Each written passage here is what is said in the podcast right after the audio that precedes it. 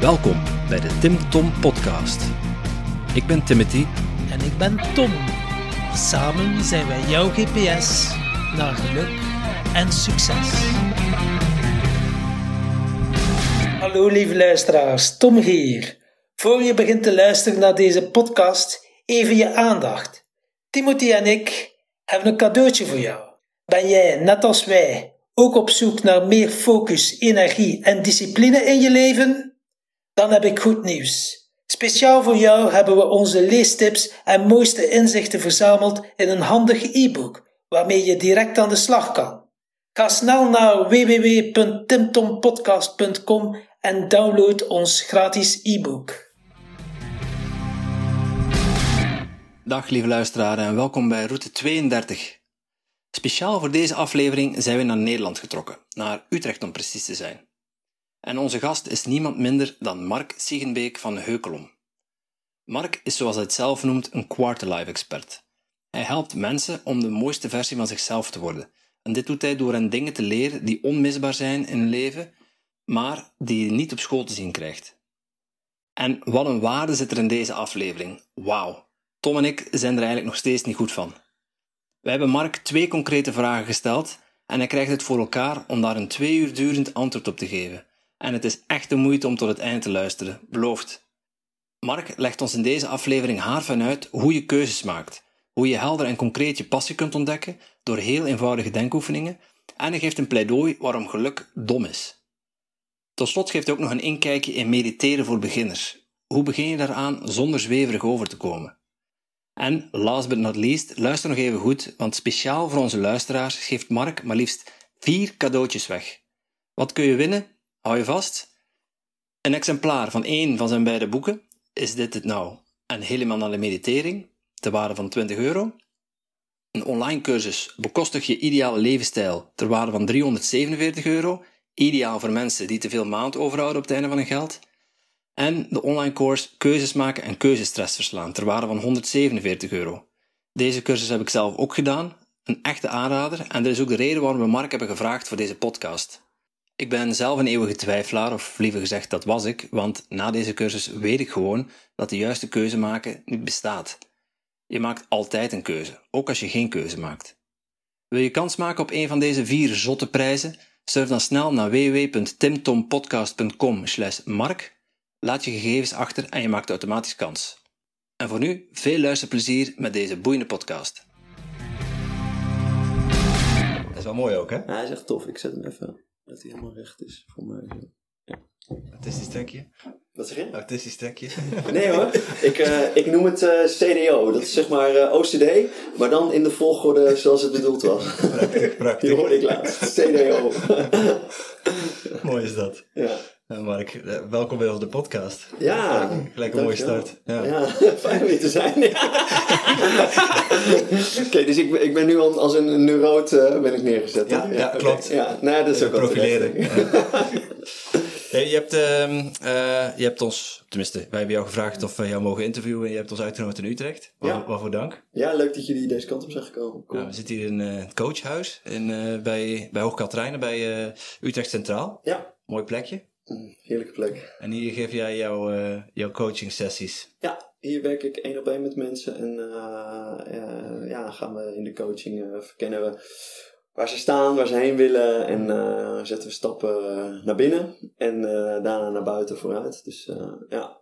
Kun je, kun je onze luisteraars even toelichten wat jij, wat jij doet? Waarvoor ze je bij, ja, bij jou trekken? Uh, nou, uh, dus ik doe verschillende dingen. Laat ik beginnen met, met die coaching. Uh, ik werk eigenlijk. De, de, de vraag waar de meeste mensen in de coaching bij mij mee komen, is de, de vraag die eigenlijk ook de titel is van mijn eerste boek. En dat is de Is dit het nou vraag.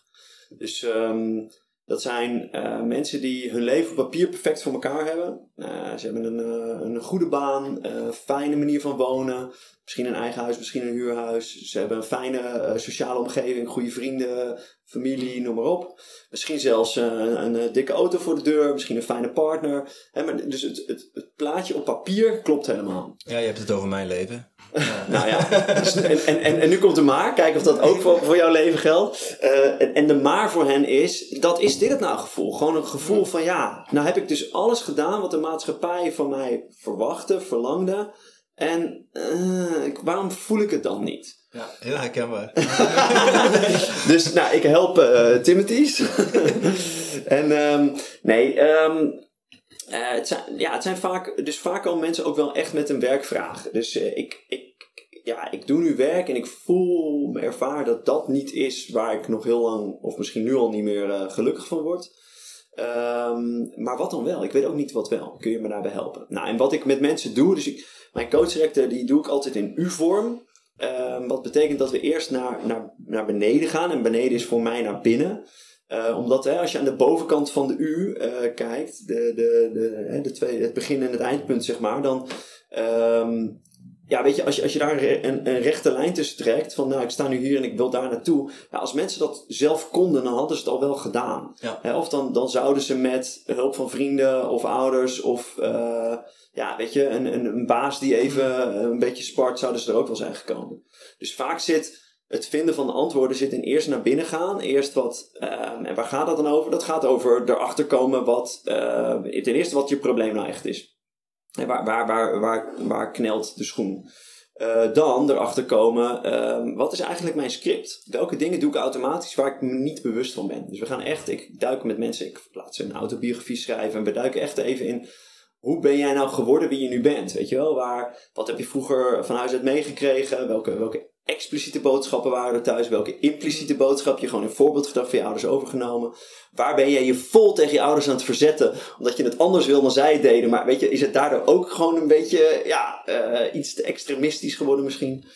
Nou, dus, dus dat soort dingen ontdekken, maar ook op overtuigingenniveau. Dus, dus hoe zie jij de wereld? Wat, uh, heb jij een bazaal vertrouwen in mensen of heb je een bazaal idee dat de wereld onveilig is? Dat is een beetje het ijsbergprincipe. Dus alles wat daar onder het water zit, dan ga je precies, even gaan, uh, precies. gaan ontdekken. Ja. He, dus, dus, en en ja, de ijsberg is natuurlijk een metafoor voor, die je op een heleboel manieren in kan zetten. En in mhm. dit geval is het wel echt um, eigenlijk een beetje wat mensen bewust over zich, zichzelf weten. En dan gaan we eigenlijk een beetje dat wat tot nu toe onbewust was, maar wat je wel grijpbaar, tastbaar kunt maken.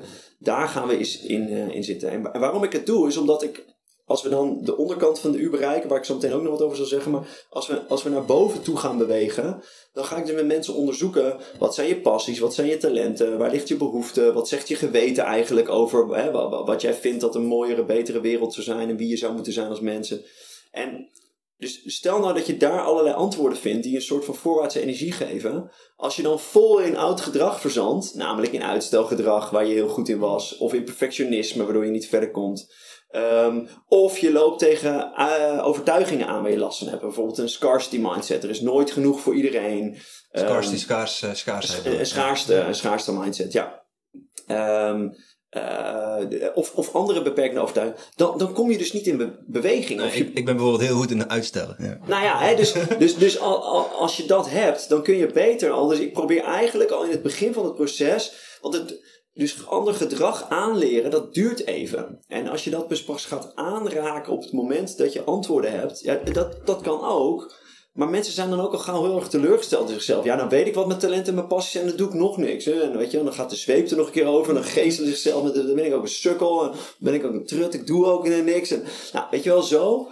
Uh, dus, dus ik vind het heel belangrijk om aanvankelijk daar al, al wat aandacht aan dus te besteden. Je gaat eigenlijk uh, gaan werken op identiteitsniveau. In NLP-termen heb je gedragsniveau, maar ja. dan identiteitsniveau zijn dan de waarden, de overtuigingen, uw identiteit en jouw uh, missie uiteindelijk. Precies, dus die laatste die hoort er ook heel ja. erg bij. Hè? Dus, dus in, in, een, in een eerste sessie doe ik bijna altijd met mensen een... Um, uh, de zes stappen van, ik weet even niet meer hoe het model precies heet, maar dan kijk ik naar context, gedrag, vaardigheden, ja. overtuiging, identiteit en uiteindelijk ook zingevende missie. De logische niveaus van Dils, denk ik dat dat is. Hem, ja. Dat is hem, de logische niveaus zijn het, ja, ja. precies. Dus, dus dan wil ik echt even kijken naar uh, wat, wat weet je al van jezelf. En uh, dus we, dan, dan leg ik een aantal a op de grond en mensen lopen daar overheen en, en dan lopen ze ook terug. Dus eerst dus beschrijven hoe is het hmm. nu en dan teruglopen. Dus wat is er nou nodig? Weet je wel, in de komende zes, zeven maanden dat we met elkaar werken. Wat mogen we ontwikkelen? Wat mogen we aanraken? Wat, waar heb jij uh, dingen in je context te veranderen? Dus soms is het simpelweg uh, dat iemand zegt: ja, ik moet echt op een andere plek gaan wonen. Want dit, waar ik nu zit, zit ik al jaren. Het inspireert me niet meer. Ik zit er in een sleur.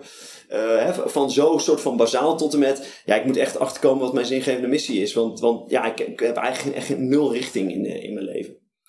Um, nou, dus, dus op, op al die niveaus probeer ik, en vooral op overtuigingen en de identiteit, daar schuurt het vaak bij mensen. Dat ze eigenlijk niet goed weten wie ze zijn of wie ze willen zijn. Of last hebben van overtuigingen ja, waar ze eigenlijk niet eens helderheid over hadden.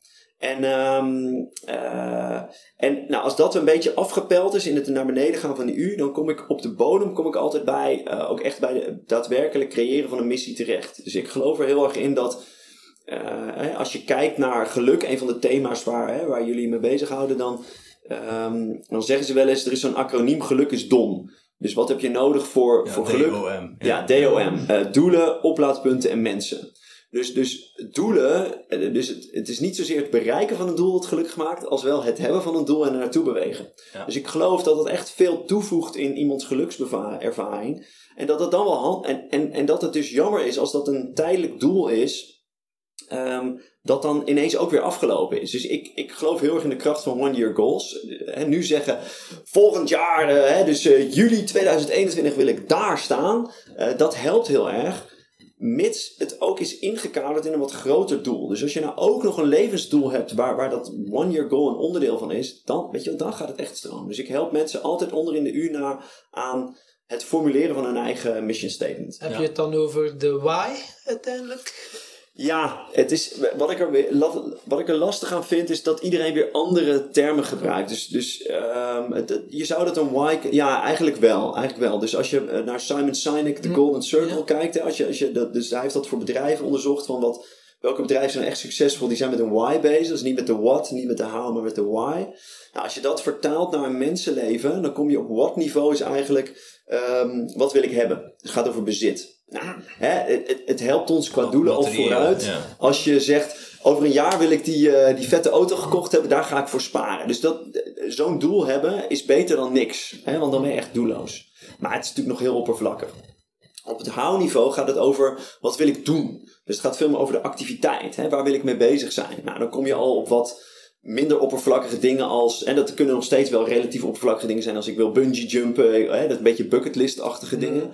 Dus de, de documenten die er ook bij horen zijn, op dat what niveau is het het verlanglijstje, wat wil ik allemaal hebben. Hè, op dit tweede niveau van, van how is het uh, de bucketlist, wat, wat wil ik gedaan hebben, wat wil ik doen. Uh, maar er kan ook bij staan, ik wil ooit nog zelfstandig ondernemer zijn. Of ik wil vader worden, weet je wel. Ik, ik, wil, ik wil weten hoe het is om ouder te zijn of, of moeder worden. Zijn er meer de rollen? Uh, ja, de rollen, maar ook wel de activiteit. Dus bungee jumpen, Ja, weet je wel, die ja, ja, hoort er ook ja. bij. Um, en, en dat is wat minder een rol als, als Ja. meer een activiteit. Ja, experience, ja. Ja. Een, ja, een ervaring. En dan op het, op het why-niveau, dan kom je bij de vraag, wie wil ik zijn? Dus dan, dan kom je echt op meer op identiteitsniveau. Wie, wie wil ik nou in dit leven zijn? En dan, en dan heb je het over persoonlijke waarden. Dus hè, een, een mission statement klinkt nooit als ehm, ik wil de nieuwe CEO van Philips of van Shell worden of zo. Dat, dat is niet een mission statement. Uh, is op waardeniveau. Dus mijn mission is bijvoorbeeld: eh, ik, Mark Siegenbeek van Heukelom, ben de mooiste versie van mezelf.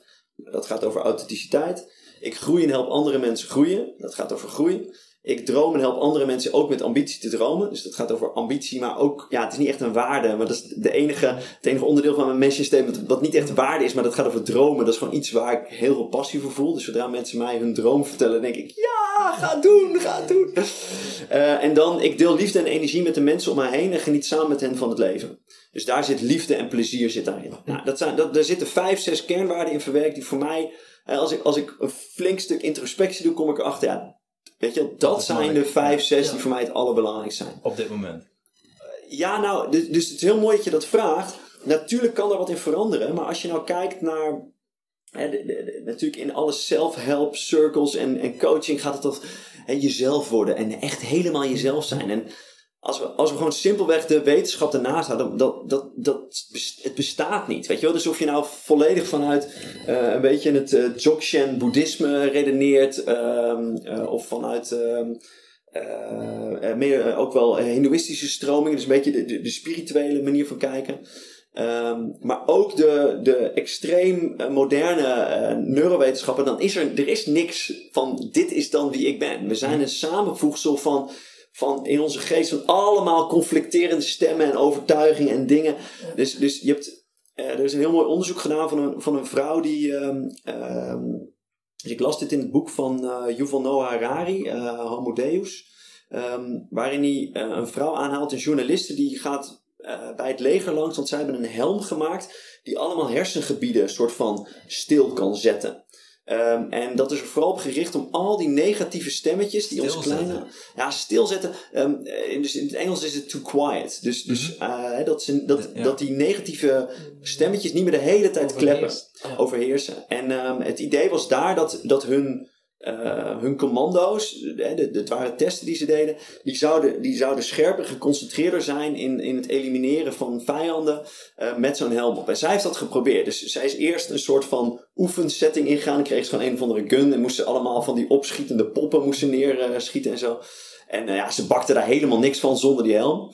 En toen kreeg ze die helm op en ineens was die helm af en was het 20 minuten later. En had ze echt gewoon als een of andere commando, weet je wel, had ze alles neergeschoten en, en, en een super hoge score in die oefensetting gehaald.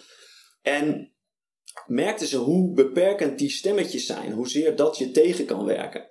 Um, maar ze kwam er ook achter dat ze zei: het, ja, het was ook echt een, een soort van spirituele ervaring die ik heb gehad. Dus het was zo stil in mijn hoofd. Weet je wel, al, alles viel weg. Het dus was... dat was die eigenlijk in, in een soort hypnose, dat was op theta-niveau. Dus was, je... Was op een hoog theta-niveau. Ja, dat dan voorbij het kritisch denken, dat je enkel, enkel maar gefocust was op één ding. Precies. Ja. Maar, maar wat zij ook zei, is dat ze erachter kwam dat er dus niet... Dat, dat er niet een soort van één stuk overbleef. Oh, en dat ben ik dan dus. Weet je wel, nu al die stemmetjes weg. Nee, het, het, weet je wel, het is dan een beetje in het, in het niets of in het alles of in het dus, dus het is een, voor mij is het een heel mooie metafoor van, van zien, weet je, we zijn gewoon een samenraapsel van allemaal stemmen. Uh, en die kun je dus ook met een of andere fucking help ja, uitzetten. Ja. Bizar. Maar, maar dat um, sommige, en, en dit is het punt dat ik wil maken, sommige stemmen zijn denk ik, heb je meer aan om naar te luisteren dan andere. En een van die stemmen die zit op waardeniveau. Dus die zitten heel diep in ons over wat wij belangrijk vinden. Dus een waarde is iets, hè, dus als ik een waarde heb op eerlijkheid, dan vind ik het belangrijk dat mensen eerlijk zijn dus ik kan dan tegen een heel eerlijk iemand, kan ik echt opkijken van wauw, dat je zelfs daar al eerlijk over bent, wat cool. En zodra mensen tegen mij liegen, kan ik er super boos van worden. dus dat, op, op, op die manier kun je voelen, dit is een waarde. Nou, wat mijn ervaring is en wat ook wel wordt geroepen, is dat dat een niveau is um, wat eigenlijk gedurende je leven misschien wel onveranderd blijft. Dat in ieder geval zo diep zit dat het, dat als je nou aan het eind van je leven terug wil kijken en, en het gevoel hebben dat je de juiste dingen gedaan hebt, dan kun je het beste nu, als je dan op iets moet gaan sturen, dan kun je beter op waardeniveau gaan zitten dan op wat is de nieuwste hype of wat wordt er tegenwoordig in deze maatschappij van mij verwacht of wanneer denk ik dat ik cool ben als nou, hè, al die angstige dingen die we zo, zo al proberen te doen, uh, die helpen niet zoveel. Dus dat is waarom ik mensen help te onderzoeken. Wat zijn nou je, je diepere waarden? dus op waardeniveau, wat vind je echt belangrijk? En dan kan ik me voorstellen dat jullie of dat luisteraars nu denken... ja, maar die dingen die jij net zei, die vind ik ook belangrijk, weet je wel? Maar bij elke persoon komt er dan weer een andere set van vier, vijf of zes kernwaarden uit. Dus voor iedereen is dat net anders, weet je wel? Misschien dat je drie dezelfde hebt met iemand anders... maar dan is één weer net verschillend. En het betekent voor jou ook weer wat anders. Dus zodra, je dat, zodra ik dat ook met mensen ga uitwerken... van nou, zet het nou eens in de zin... Nou, dan laat ik ze altijd jatten van andere mensen. En zeggen oh, wat hij heeft geschreven, dat, zo bedoel ik het ook, maar dan net anders. Weet je wel? Dus, dus, dus uiteindelijk is het altijd maatwerk en heeft iemand zijn of haar eigen mission statement die gewoon, als ze teruglezen, denkt, ja, ja, Dat, dat is wie ik wil zijn. En het is dus ook echt wel een ambitiestatement. Dus het, het is geen persoonsbeschrijving. Dus er staat niet, uh, ik Mark ben een hele aardige vent. Weet je wel, ja dat klopt wel. Ik krijg van mensen vaak te horen dat ik een aardige, vriendelijke vent ben. Maar ja, vriendelijkheid is niet een van mijn grootste waarden. Dus authenticiteit is een, belangrijke waarde.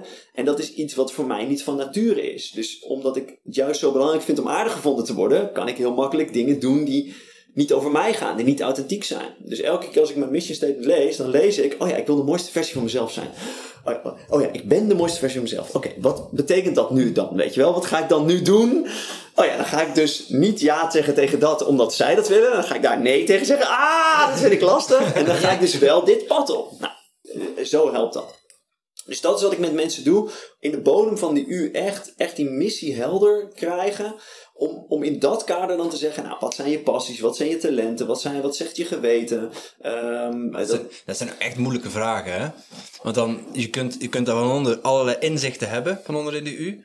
Maar dan zo'n vraag zo, wat is je passie? Ja, dat, dat, komt zo koud op je dak. Dan denk je van... Uh... Ja, maar daar heb ik natuurlijk ook een techniek voor. dus, uh, kun je, nee, dus, kun je nou, een tipje van de sluier op liggen? Ja, zeker. Leuk ook. Leuk om iets over te zeggen. Dus... Um, um, Want hoe ga je dan naar boven toe? Ja, nou, dus, dus om bijvoorbeeld gewoon iets als passies vast te grijpen. Um, dus wat, ik, wat ik zie is dat, uh, en ik beschrijf het ook wel in mijn, in mijn boek, is dit het nou? Um, omdat ik, oh, dus dat, dat, dit, dit, dit zie ik al jaren, dat mensen daarmee worstelen. En ik heb dat zelf ook gehad. Dus de grootste belemmerende overtuiging rondom passies is. Ja, ja, maar ik heb helemaal geen passie. Of ik moet een passie hebben. Of ik moet een passie hebben. Dus dat helpt niet omdat de druk op komt te staan. Ehm, maar ik denk dat, dat iedereen in zekere zin passies heeft. Of de potentie heeft om passie voor dingen te ervaren. Maar er zijn twee dingen voor nodig om um, om, om erachter te kunnen komen wat die passie is en of dat te omarmen. Nou, daar zal ik zo nog wat over zeggen, maar eerst even over het woord passie. Dus um, wat het bij ons oproept is. als, ik, als ik de mensen vraag, nou we gaan het nu over passie hebben, dan, ontstaat er een kortsluiting in hun hoofd. Weet je, maar ja, maar dat, dat heb ik helemaal niet. Eh, dus dus er, bij het woord passie ontstaat er een soort van monster. Dus waar mensen aan denken is, als je een Oké, dus als je een passie hebt, dan, um, dan heb je uh, een zolder die vol staat met modeltreintjes waar je elke avond mee aan het klooien bent. Weet je wel, als je dat hebt, dan heb je een passie. Of als je een naaikamertje hebt, weet je wel, waar je elke dag komt en alle kleding voor je kinderen zelf maakt, dan heb je een passie. En, en, en dus dat klopt niet. Dus passies, die beginnen vaak als. Dus iets wordt ook een. Iets wat nu een passie is, dat begint vaak als een lichte fascinatie. Dus dat kan zijn dat je zegt: Ja, dit is misschien een beetje weird, maar dat, dat ene spel met die stokjes, Mikado heet het volgens mij. Dat, ja, ik weet niet, ik heb nog nooit gespeeld, maar ik vind het wel interessant. Zo begint het vaak. Hè? Dus ik heb wel in groepen dat ik, als ik mensen zeg: Wat is jullie passie? dan komt er niks. Maar als ik dan zeg: Wat zijn nou quirky interests? Een beetje van die vage interesses waarvan je niet helemaal kan uitleggen dat je ze hebt, maar je, voelt er wel wat bij. Wat zijn lichte fascinaties? Wat zijn ook wel misschien een beetje um, guilty pleasure interessegebieden waarvan je zegt, ja, dat vind ik eigenlijk wel leuk. Maar ja, dan kan ik met mijn gezonde verstand niet zeggen dat ik dat leuk vind. Dus dat soort dingen. En dan ineens komen er antwoorden als dat iemand zegt, oh, nou, nou dan heb ik misschien wel wat. Ja, ik sta altijd wel heel lang in, in, in Simon Leveld, die theewinkel. En dan vraag ik, ja, wat is lang? Ja, soms sta ik daar echt wel twee uur rond te kijken. Ik zeg, Come on, weet je wel. dan heb je, dan heb je op zijn, op zijn minst een ontluikende passie, weet je wel. Dan, dat, dat, dat, roept jou. Dus, dus we kunnen je kan niet kiezen, dat kan ook. Maar... dat kan ook keuzestress zijn, kunnen het ook nog wel hebben. Ja, nee, dus, maar, maar dat, dus dan kan ik aan haar... Je kunt het ook aan mensen zien. Dus dan zegt ze thee en weet je wel, dan zo... Poing, dan gaan die ogen een beetje twinkelen. Um, maar de raarste dingen... Ik, ik had laatst ook in een groep dat, um, dat een meisje zei... Oh, ja, ik heb wel iets, maar ja, moet ik dat dan nu hier vertellen? Weet je, hier voelde de spanning al een beetje op. Hij zei, ja, je bent nu begonnen, dus kom maar. Ze zei, nou, ken je dat, dat als je dan met een groep vrienden op vakantie bent geweest en, en dat dan iedereen heeft verschillende kosten gemaakt en dat dat dan nog verrekend moet worden? Dus je zag die hele zaal zo ja, dat kennen we. En toen ineens zo die twinkeling in auto's.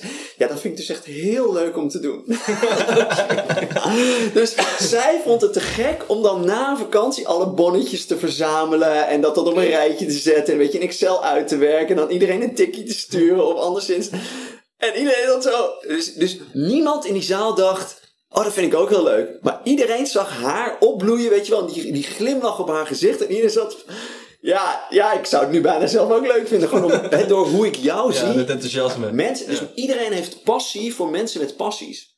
Ik hoorde het dus over laat zeggen, denk Albert Sonneveld. Hij zegt, begint met een vonkje en dan wordt het een vlammetje ja. en dan wordt het vuur en dan kunnen andere mensen zich gaan verwarmen. Prachtig, prachtig. dat ik dacht van ja. Dat, dus dat is het. En, en, en wat ik mis zie gaan, is dat mensen er dus, dat mensen dat uh, alleen maar denken: ik moet een vuur hebben, een groot brandend vuur, en dat ze het vonkje vergeten. Ja. En, en dus, dus een, een voorbeeld wat ik. Nou, ik, ik kan nu wel uiteenzetten, dus hoe, hoe kom je dan achter? Dus wat ik in de coaching doe, is ik ga met mensen op twee assen aan de slag.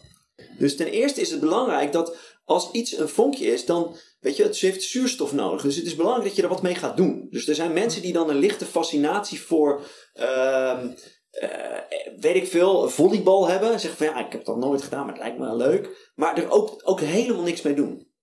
Dus ik onderzoek dan met mensen van hè, wat de stappen van, van niets ermee doen zijn naar uiteindelijk ervoor betaald krijgen. Nou, ik, hoorde het, ik het in uw verhaal toevallig deze ochtend vertellen.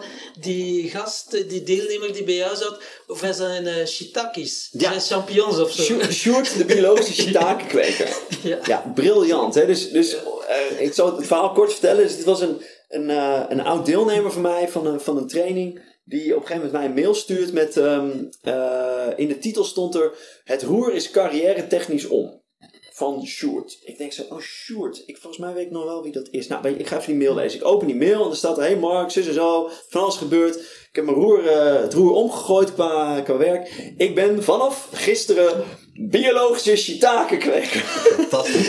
en ik dacht toen, maar wacht even, Sjoerd, Sjoerd, dat was die consultant volgens mij. Dat was die, die man in pak, weet je wel? Dat, dat weet ik nog wel. Dus ik snel naar LinkedIn. Sjoerd, Sjoerd, Sjoerd. Ja, daar is die. Ja, dat staat er. Consultant in de, in de afvalbranche hè? Dus, ja, en hij stuurde ook iets bij van... Ehm, ja, uh, als je het leuk vindt, dan praat ik je even bij. Ik heb ook nog een vraag. Misschien kun je me helpen. Dus zullen we even koffie drinken? Ik, dus ik dacht, dude, tuurlijk gaan we koffie drinken. Ik wil weten wat dit verhaal is. Weet je, what's going on?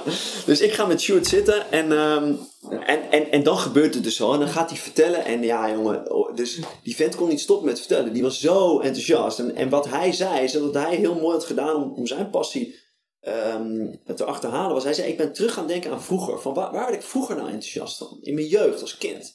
Het kwam weer uit op de middelbare school. En wat hij in zijn middelbare schooltijd altijd deed, was in de zomervakanties. Dan ging hij naar Engeland, naar vrienden van zijn ouders. En dan mocht hij op het land werken. En dan was hij, stond hij met de poot in de klei. En dan was hij op een trekker rond aan het scheuren. Hij zei, dan was ik buiten, weet je Dan was ik bezig en in de natuur. En ik, ah, dat, vond ik echt dat vond ik te gek. Dus toen dacht ik, ik moet iets gaan verbouwen. Dus via een omweg van groenten kwam ik uiteindelijk bij paddenstoelen. En toen zag ik het gat in de markt. Er moeten biologische houtshiitakes, die moeten er komen. En, weet je, en toen ging Shoot helemaal los. Want je hebt natuurlijk tegenwoordig al die plofshiitakes in de, in de supermarkt. Weet je wel, die groeien dan op uh, dat drap van koffie. En dat, uh, dat gaat allemaal veel te snel. En waardoor, ze, waardoor het een soort van halve snot is. En als je dat in de pan gooit, dan, dan valt het uit elkaar. Nee, je moet echt in de natuur geharde, hè, een beetje e-, op, op evolutie gestoelde, stevige survival of the fittest, harde houtshiitakes hebben van, van biologische kwaliteit. Nou, je kunt ze passie bijna proeven. Je kunt ze passie oprapen van de grond ongeveer, weet je wel. En, Heerlijk. En het leuke was, hij ging er hij ging ook helemaal inhoudelijk over vertellen. Hij zegt, ja, want um, nou, ik heb dus ook nog een vraag aan jou. Kijk, het zit zo, hè. Die, die, die, die shiitakes die groeien op eikenhouten stammetjes. En maar dat is dus een schimmel in een, in een, in een stuk loofhout van, van loofbomen. Ja, er moeten natuurlijk niet andere schimmels in gaan zitten. Um, dus, dus die stammetjes moet je in naaldbos neerleggen. Want sommige schimmels gaan, gaan alleen goed op naaldbomen, andere op loofbomen. Dus ik wil dat die staken moet groeien. Dus het moet in een, in een naaldbos liggen. Nou, ik heb al best wel wat eikenhouten stammetjes, maar ik heb nog een naaldbos nodig. Nou zat ik te denken, jij hebt een dubbele achternaam. Je zal wel van adel zijn, er zal wel geld in de familie zitten. Hebben jullie niet nog ergens een bos te bouwen?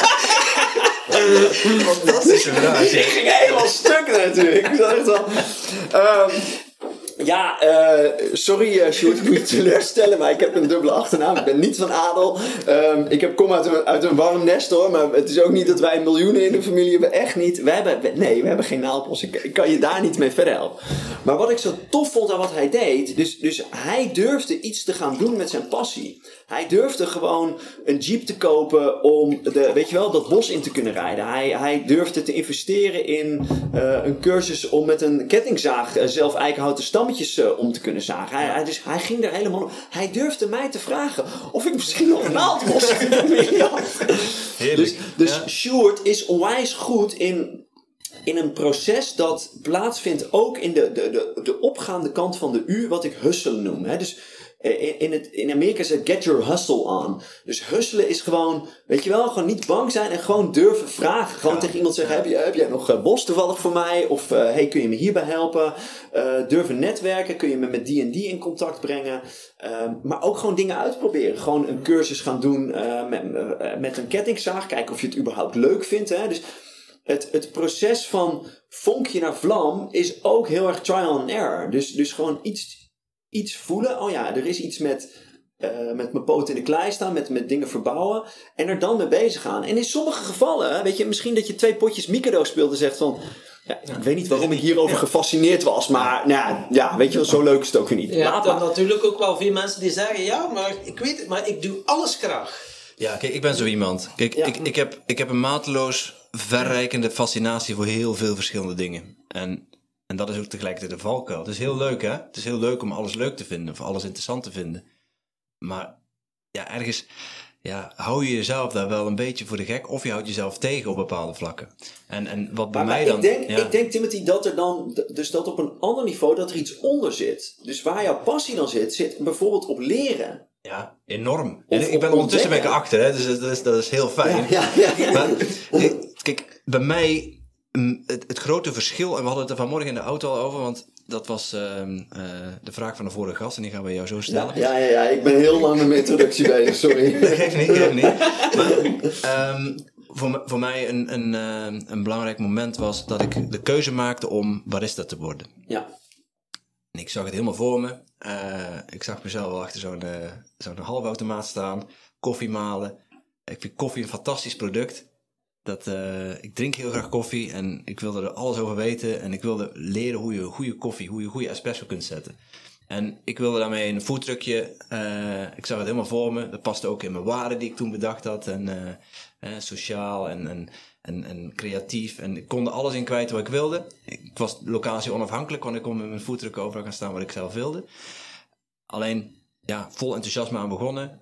cursus gehaald. Ik weet bovengemiddeld veel van koffie ondertussen. Eh, ik weet wat het verschil is tussen goede en slechte koffie. En ja, hoe meer ik erover leerde, hoe, hoe enthousiast ik er werd van, van koffie. Alleen, ik ging een try-out doen in zo'n foodtruck. En ook dat vond ik nog leuk. Maar ik dacht, ik zie mezelf hier niet tien jaar Nee. staan. nee. Zeg, dit is, één, dit is hard werken. Ja, had ik al gedacht. Vind ik niet erg. Ik bedoel, mijn handen uit de mouwen steken, geen probleem.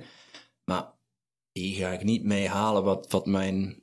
Dit, dit geeft mij geen zingeving voor een groter doel. Nee. Ehm, dit gaat me niet brengen waar ik wil zijn, wat ik toen nog niet wist.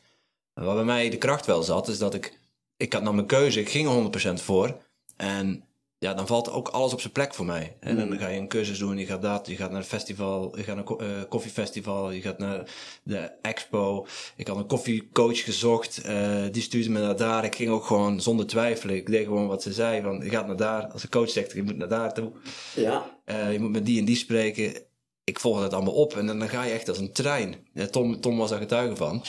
Dat was ook in, in, in ons mastermind jaar in het begin Ja. heel, eh, heel erg aanwezig bij, eh, bij mij.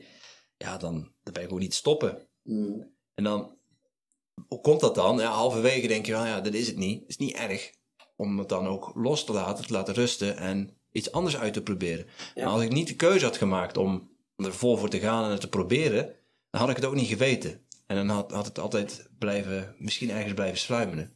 Ja, en, en weet je wat ik eraan toe zou willen voegen is dus... ehm, ik moet, misschien dat ik zo even... Ik teken even wat en... ehm, Dan moeten wij raden wat? Of, eh, wat zeg je? dan moeten de luisteraars raden Ja, wat, het- wat nee, jij nee, tekent. nee, want, want dan gooien we het gewoon in de show notes. Want het is een heel simpel eh, modelletje. En ik beschrijf ook wel wat het is. Maar dus het, zijn, het, zijn, het is een Venn-diagram met vier cirkels die, die elkaar in het midden overlappen. Ja, een soort Hè? samengedrukte eh, Olympische... Eh, ja, soort van. ja, en dan de, de, de vijfde ontbreekt. Ehm, hè, maar dus, dus er is, een, er is tussen alle vier de cirkels is ergens een overlap. En in het midden overlappen ze allemaal. Ja. En, en dat stukje in het midden, dat is wel wat ze... Hè, dus meneer Covey noemt dat eh, de voice. Ehm, de Japanners noemen het je ikigai. Daar heb je ook zo'n mooi boekje over. Fantastisch boekje, ja. Ja, ehm, de eh, andere mensen noemen het je why. Of eh, je purpose. Of nou, weet je, hoe je het maar wil noemen. Maar de vier gebieden die er samenkomen zijn passie, talent, behoefte en geweten. En ehm, het kan zo zijn dat iets waar je onwijs veel passie voor hebt, dat je er geen talent in hebt. Nou, weet je, als ik jou zo hoor, dan twijfel ik niet aan dat je er ook goed in was. Hè? Maar het kan ook zijn dat je iets vindt. Ik heb bijvoorbeeld, ik vind zingen heel leuk. Ja, sorry, maar daar moet ik niet mijn geld mee willen gaan verdienen. ik heb gewoon te weinig talent. Ja, nou, hè, dus ik, ik doe het wel eens, maar nou, zo. Maar het, het- het- waar ik het bijvoorbeeld bij jou dan eh stuk hoor lopen, is op behoefte. Dus behoefte gaat erover welke behoefte is er nou in de wereld, ehm, hè, de- waar, waarvan de wereld roept: oh ja, dat, dat willen we graag hebben. Zo, zo zeer dat ze jou daarvoor eh voor willen be- belonen, zodat jij in jouw behoeften kunt voorzien. Dus dat gaat over geld, maar dat gaat ook over erkenning, dat gaat ook over zingeving. Dus volgens mij gaat het, loopt het dan op een gegeven moment daar ergens loopt het mis. Van ja, ik heb er heel veel passie voor, ik kan het ook goed, ik word er ook steeds beter in. Ehm, het kan ook op gewetenstuk zitten dat je zegt, ja, dan ben ik dus mensen lekkere koffie aan het geven. Is, weet je wel, wordt de wereld daar nou genoeg beter van? Of, of vind ik daar wat over? Maar het kan ook in, in de behoeftehoek zitten, waar het gewoon gaat over, ja, ik wil, ik vind zoveel dingen leuk. Dus eh, op, op het gebied van afwisseling gaat het voor mij echt mis als ik de rest van mijn leven in een foodtruck ga staan. Ja. Ja, weet je, dat is een heel legitiem argument. Maar wat jij wel gedaan hebt, is dat, dat kleine vlammetje, weet je, opstoken naar een groot vuur. Om er dan achter te komen, ja, dit is een vuur waar mensen zich wel aan willen warmen. Weet je wel, er is wel behoefte aan, maar ook weer niet zo, op zo'n manier dat, dat ik het nog leuk vind. Weet je wel, dan zit ik, zit ik de hele dag dat fucking vuur op te stoken eh, de rest van mijn leven. Ja, eh, nee, ik wil nu weer andere vuurtjes, eh, weet je wel, zo een beetje. ja. Om, om iets met de, met de metafoor te blijven doen. Ja, om in de metafoor te blijven ben ik erachter gekomen dat ik me ook veel beter voelde in een rol als firestarter. Mooi, Ja. mooi. Dat is ook wel weer een uitdaging. Want Ja. er branden altijd meerdere vuurtjes voor mij. Ja. Maar ik heb dat eigenlijk wel nodig. Nou, Dat, en, dat, en, dat, dat drijft mij. Ja. En, en de winst is ook dat, ehm, dus dat je misschien nu niet professioneel wat blijft doen met je, met je koffie. Maar dat het wel echt een mooie, fijne, belangrijke plek in je leven heeft gekregen. Dus Ja. het is wel een En nog energiebron. steeds heeft. Ja. Precies, weet je wel. Dus dat, dat vuur in jou is aangewakkerd en groter. En, en dus het is ook heel erg oké om een hobby of om een passie te gaan verkennen die uitmondt in een hobby. Dus je hoeft niet elke. Hè, dus don't monetize every passion is wat, wat Amerikanen dan zeggen. Niet alles hoeft ook daadwerkelijk eh, iets op te leveren. Maar je kan die proefballonnetjes oplaten hè, en voelen hoe, hoe dat het is. Hè. Precies, en een aantal van die passies, en, en dan teken ik weer even, ik beschrijf wat ik teken, die bevinden zich dus, weet je wel, in die, in die cirkel van passies, maar, maar misschien niet met overlap met talent of met behoefte. Nou, prachtig om dat als hobby's in je leven te houden. Dat zijn echt energiebronnen tot en met, want je ogen gaan ervan glinsteren, zoals Remco Klaas dan zegt, je staart gaat ervan kwispelen, Ja, weet je wel? Ja, ah, eh, dat, dat heeft heel veel waarde. Ehm, maar, het is, maar, maar dus het idee is dat, dat waarschijnlijk van al die vonkjes die er zijn, dat als je die allemaal tot vlammetjes, dan is er, dan is er wel één of zijn er twee die wel overlap hebben met ook nog met talent. Hé, je bent er ook nog goed in. Hé, er is ook nog behoefte aan. Hé, het is ook nog in lijn met mijn geweten. Ja, weet je wel. En dan, dan wordt het leuk. Want Ja. dan gaat er heel veel stromen. Dan wordt de wereld, weet je wel, dan wordt de wereld mooier van de dingen die jij leuk vindt om te doen. Waar je goed voor beloond wordt. Waar andere mensen veel aan hebben. En, en ja, waar je gewoon heel veel waarde levert. Omdat je er goed in bent. Ja, ja. Jij zei wel zo'n mooi zinnetje, hè? Eh, you're gonna sound like a lot of people before you find your own voice. Weet je wie het gezegd heeft? Nee, Neil Gaiman. oké. Ja, dus eh, dat is eh Amerikaanse fantasy schri- schrijver in zijn commencement speech. Beste commencement speech die ik gezien heb. eh, zegt hij dat. You're gonna sound like a lot of people before you find your own voice. Dus, hè, dus, dus ook echt vanuit dat het voice model van Covey, waar de voice, de, de, dat middelste stukje van die overlap is. Het is echt een proces van trial and error. Dus het is, de, weet je de, het, kla- de klassieke manier van denken is nu, oh jammer, Timothy heeft gefaald, weet je wel. Hij heeft, eh, hij, is, hij heeft geprobeerd barista te worden en het is niet gelukt. Nee, nee, groot succes. Succes tot en met. Want je bent wel, verder ja. gekomen in je, in je leerproces. Je weet dat dat dus een belangrijk onderdeel van je levensgeluk is. Maar dat het misschien niet, dat hoe je het tot nu toe bedacht hebt, niet de vorm is waarin jij echt in je, in je voice, in je purpose, in je why, in je ikigai eh, Nee, staat. nee, daar heb ik flink in geïnvesteerd en ik heb er ook geen seconde spijt van gehad. Nee. Het is ook een stukje leerschool geweest. En, en ja, je leert ook om ehm, heel bewust om dat vonkje om te zetten in een vlammetje en dat vlammetje groter te maken. Zoals je het eh, net zegt. Ja, precies. En, en Nou, en, Ja. en, en, en dat stuk van het proces, dus, dus het ene is, hè, dat, dat vlammetje, dat, dat vonkje, dat kan tot een vlammetje groeien als je er wat mee gaat doen. Waarom veel mensen daar niet aan beginnen, en dat, want dat is de andere as die ik dan in de coaching met mensen rond de passies verken, dat gaat op overtuigingen. Dus ehm, voorbeeld, wat ik, wat ik bijvoorbeeld veel zie, wat echt een grote beperkende overtuiging is, is ehm, eh, ik heb best wel wat vrouwen die dan interesse hebben in. ehm, dus ik, heb een keer een dame gehad, ik vroeg haar. Hé, maar nu even over passies, weet je wel? Wat, waar word jij nou gepassioneerd van? Ze zei, ja, dat weet ik allemaal niet hoor. En dan een beetje zo'n betrokken gezicht. Ze zei, nou ja, als je mijn vriend vraagt, die zegt dat ik wat met dieren ga doen. Dat ik daar zo, dat ik altijd zo blij van word. En dan zie je haar, dus ik zag haar ogen zo oplichten. Dus even, hè, zo'n moment zag ik in haar ogen van, oh ja, dieren, daar gaat het over. En toen, bam, één dikke vette waas eroverheen, om, eh, eh, terwijl ze de woorden sprak. Maar ja, daar kun je toch niks mee.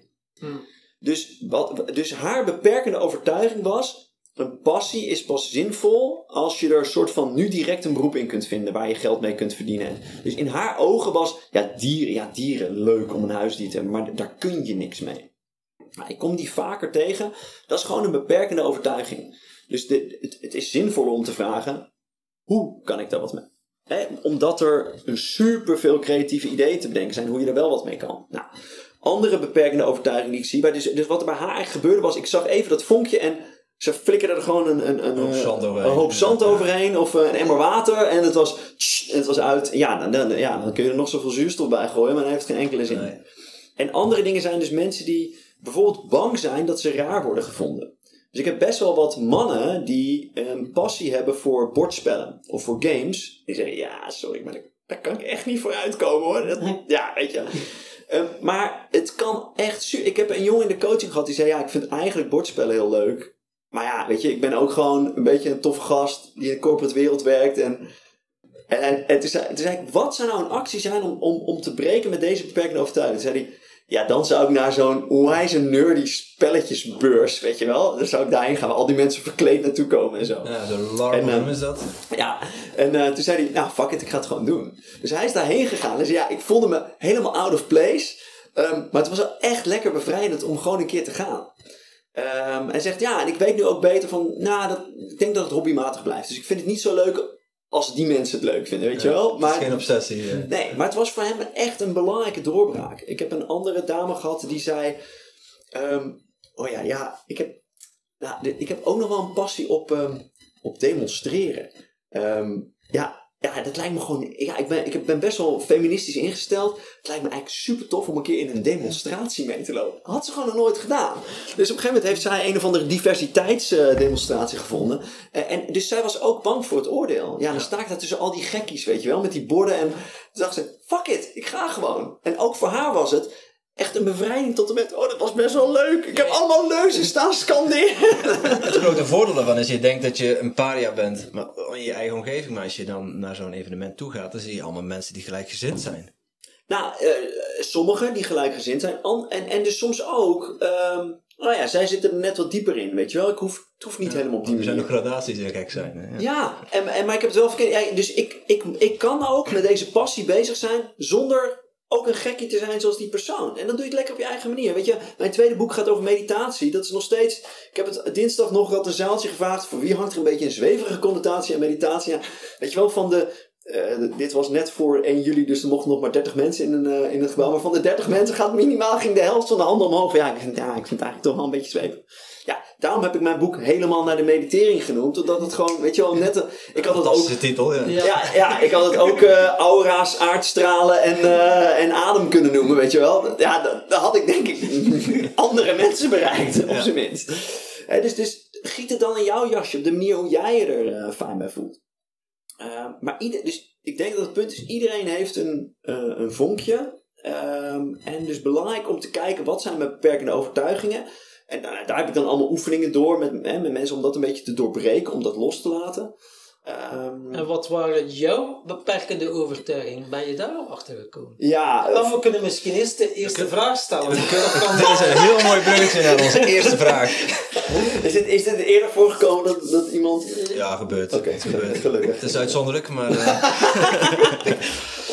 wij, eh, wij moesten jou een hele serieuze vraag stellen. Ja. Dus we gaan gelijk heel diep. Ja. Maar vertel ons alles over het belangrijkste keerpunt in jouw leven. Vertel jullie alles over het belangrijkste keer. Die vraag is gesteld door eh, Christian van Tilo. Ja, Dat is een eh, ondernemer, CEO, voormalig CEO van de persgroep TPG ah, Media. tof.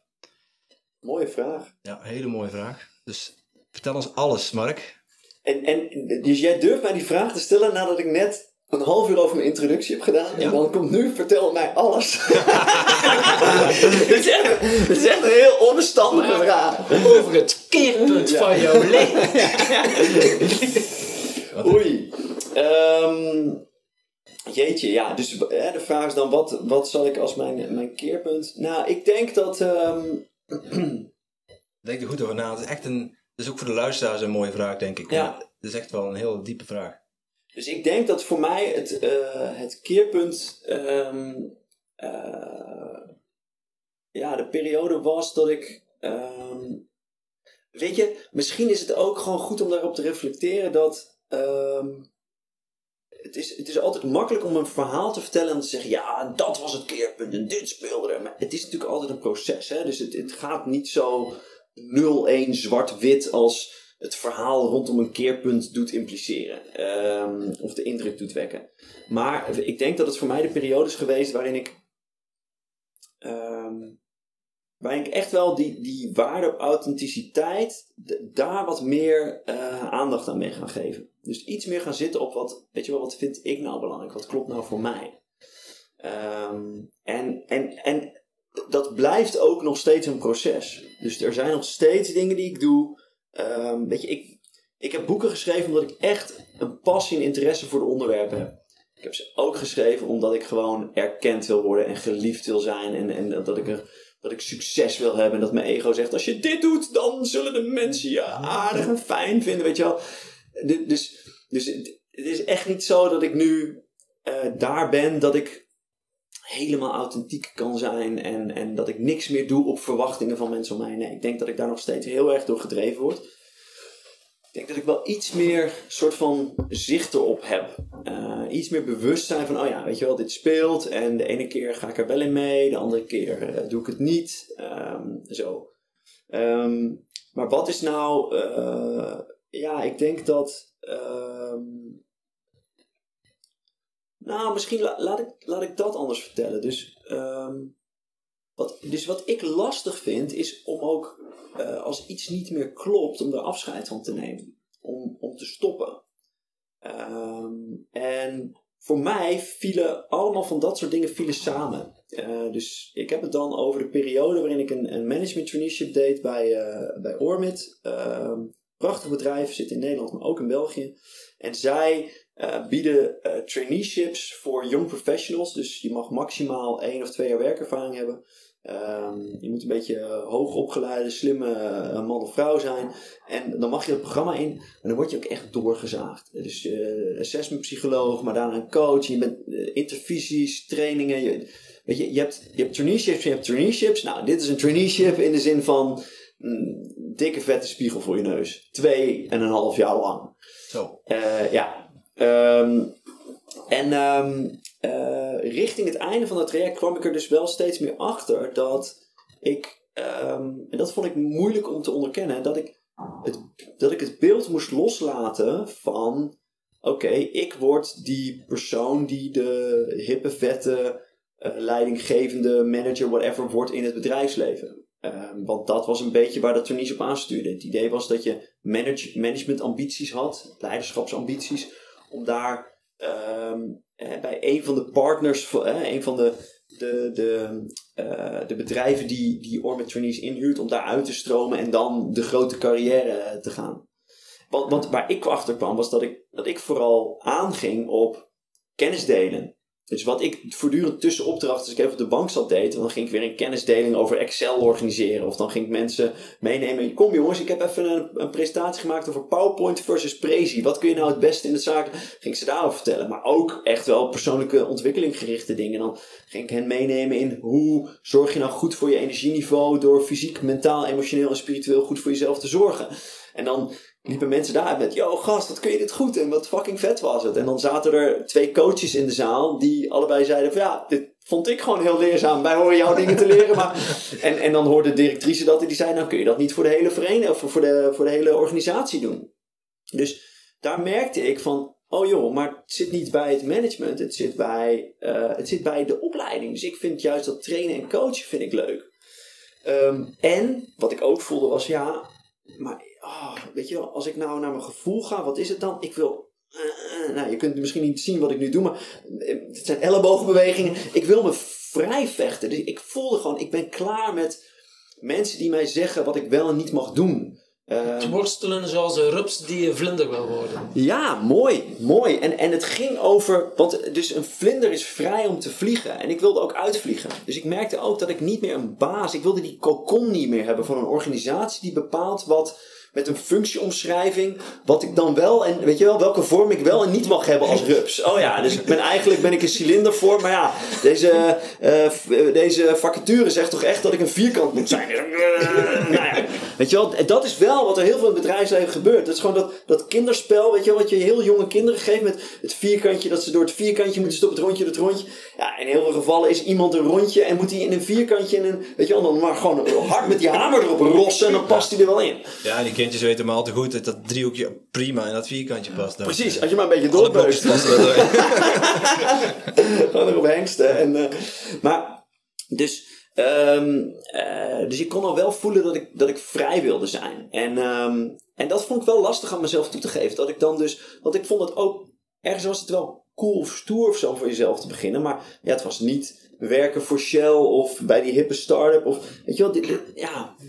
Ehm, dus, en, maar dat viel samen met een relatie die op de klippen aan het lopen was. Dus, dus ik was al met mijn eh, toenmalige vriendin in relatietherapie. En eh, wij probeerden. Nou ja, we hadden zelf de energie er niet meer voor. We hielden nog heel veel van elkaar, maar we kregen het ook niet eh opgeleid. Dus we hielden heel veel van elkaar, maar het, het, liep gewoon niet. Dus wij waren in relatietherapie en ehm, we hadden inmiddels vastgesteld dat voor haar haar soort van droombaan was voorbijgekomen. Dus zij werkte in ontwikkelingssamenwerking en zij mocht voor twee of drie jaar naar Cambodja om gewoon met de poot in de klei daar ontwikkelingssamenwerking te gaan doen. Ja, we zeiden meteen tegen elkaar, ja, weet je, als jij dit niet doet, dan dat, ja, dat zou echt zonde zijn. Dus ik zei meteen tegen haar, als je wil, weet je wel, ga. Ik weet alleen nog niet of ik met je meega. Ik moet even heel goed voelen wat, wat ik dan wil. En ehm, eh, dus we waren al vrij snel erover eens. Oké, ja, zij gaat dat sowieso doen. Ehm, ik weet het nog niet, maar als ik niet meega, dan is het ook klaar. Dus ja, er hing gewoon best. We gaan niet op. Weet je, het loopt moeizaam. Het gaat nu door de relatietherapie echt veel beter dan het ging. Dus eigenlijk zijn we weer op een heel goed spoor.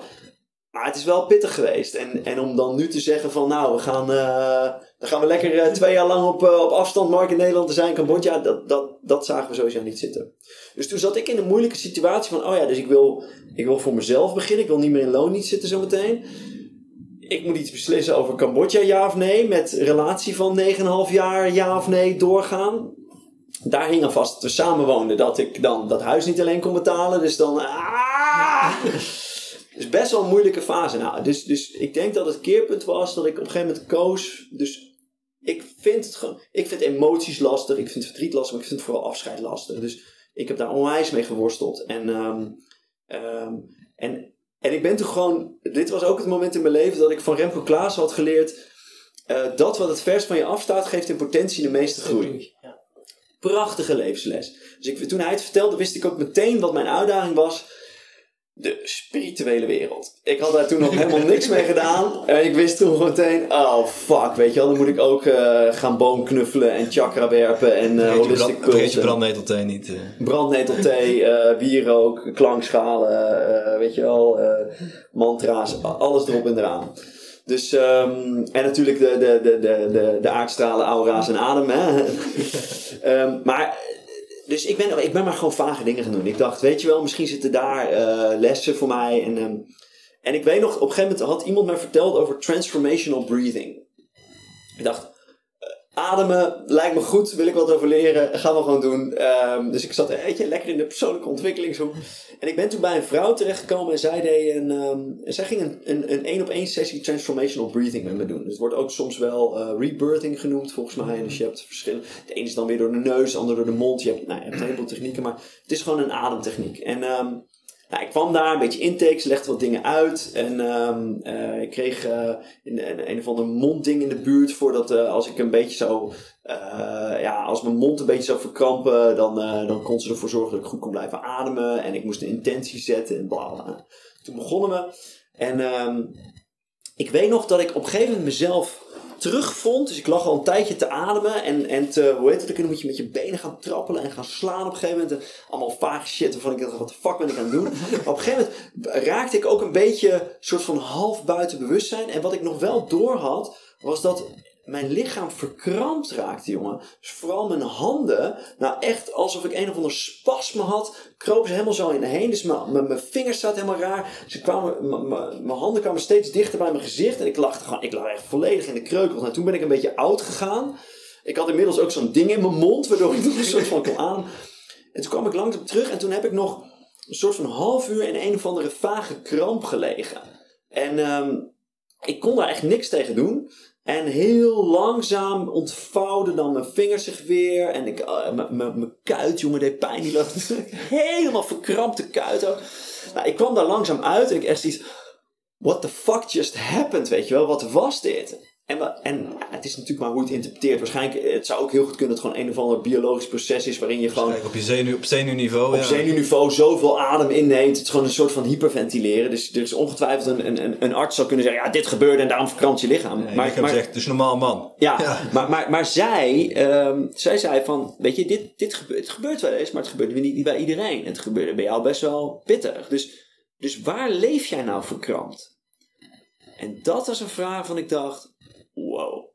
Dus op zijn minst kon ik die vraag tot me nemen en gewoon eens op onderzoek gaan van, oké, waar leef ik dan verkrampt? En, en er kwam eigenlijk maar één ding omhoog. Ik moest meteen echt keihard janken. Dat ik zei van ja, ja, ik zit wel. Ja, als, ik dan in, als ik dan in een kramp zit, dan is het dat, dat ik deze relatie moet laten werken. ik, ik heb Stephen Covey gelezen en die zegt, weet je wel, love is a verb.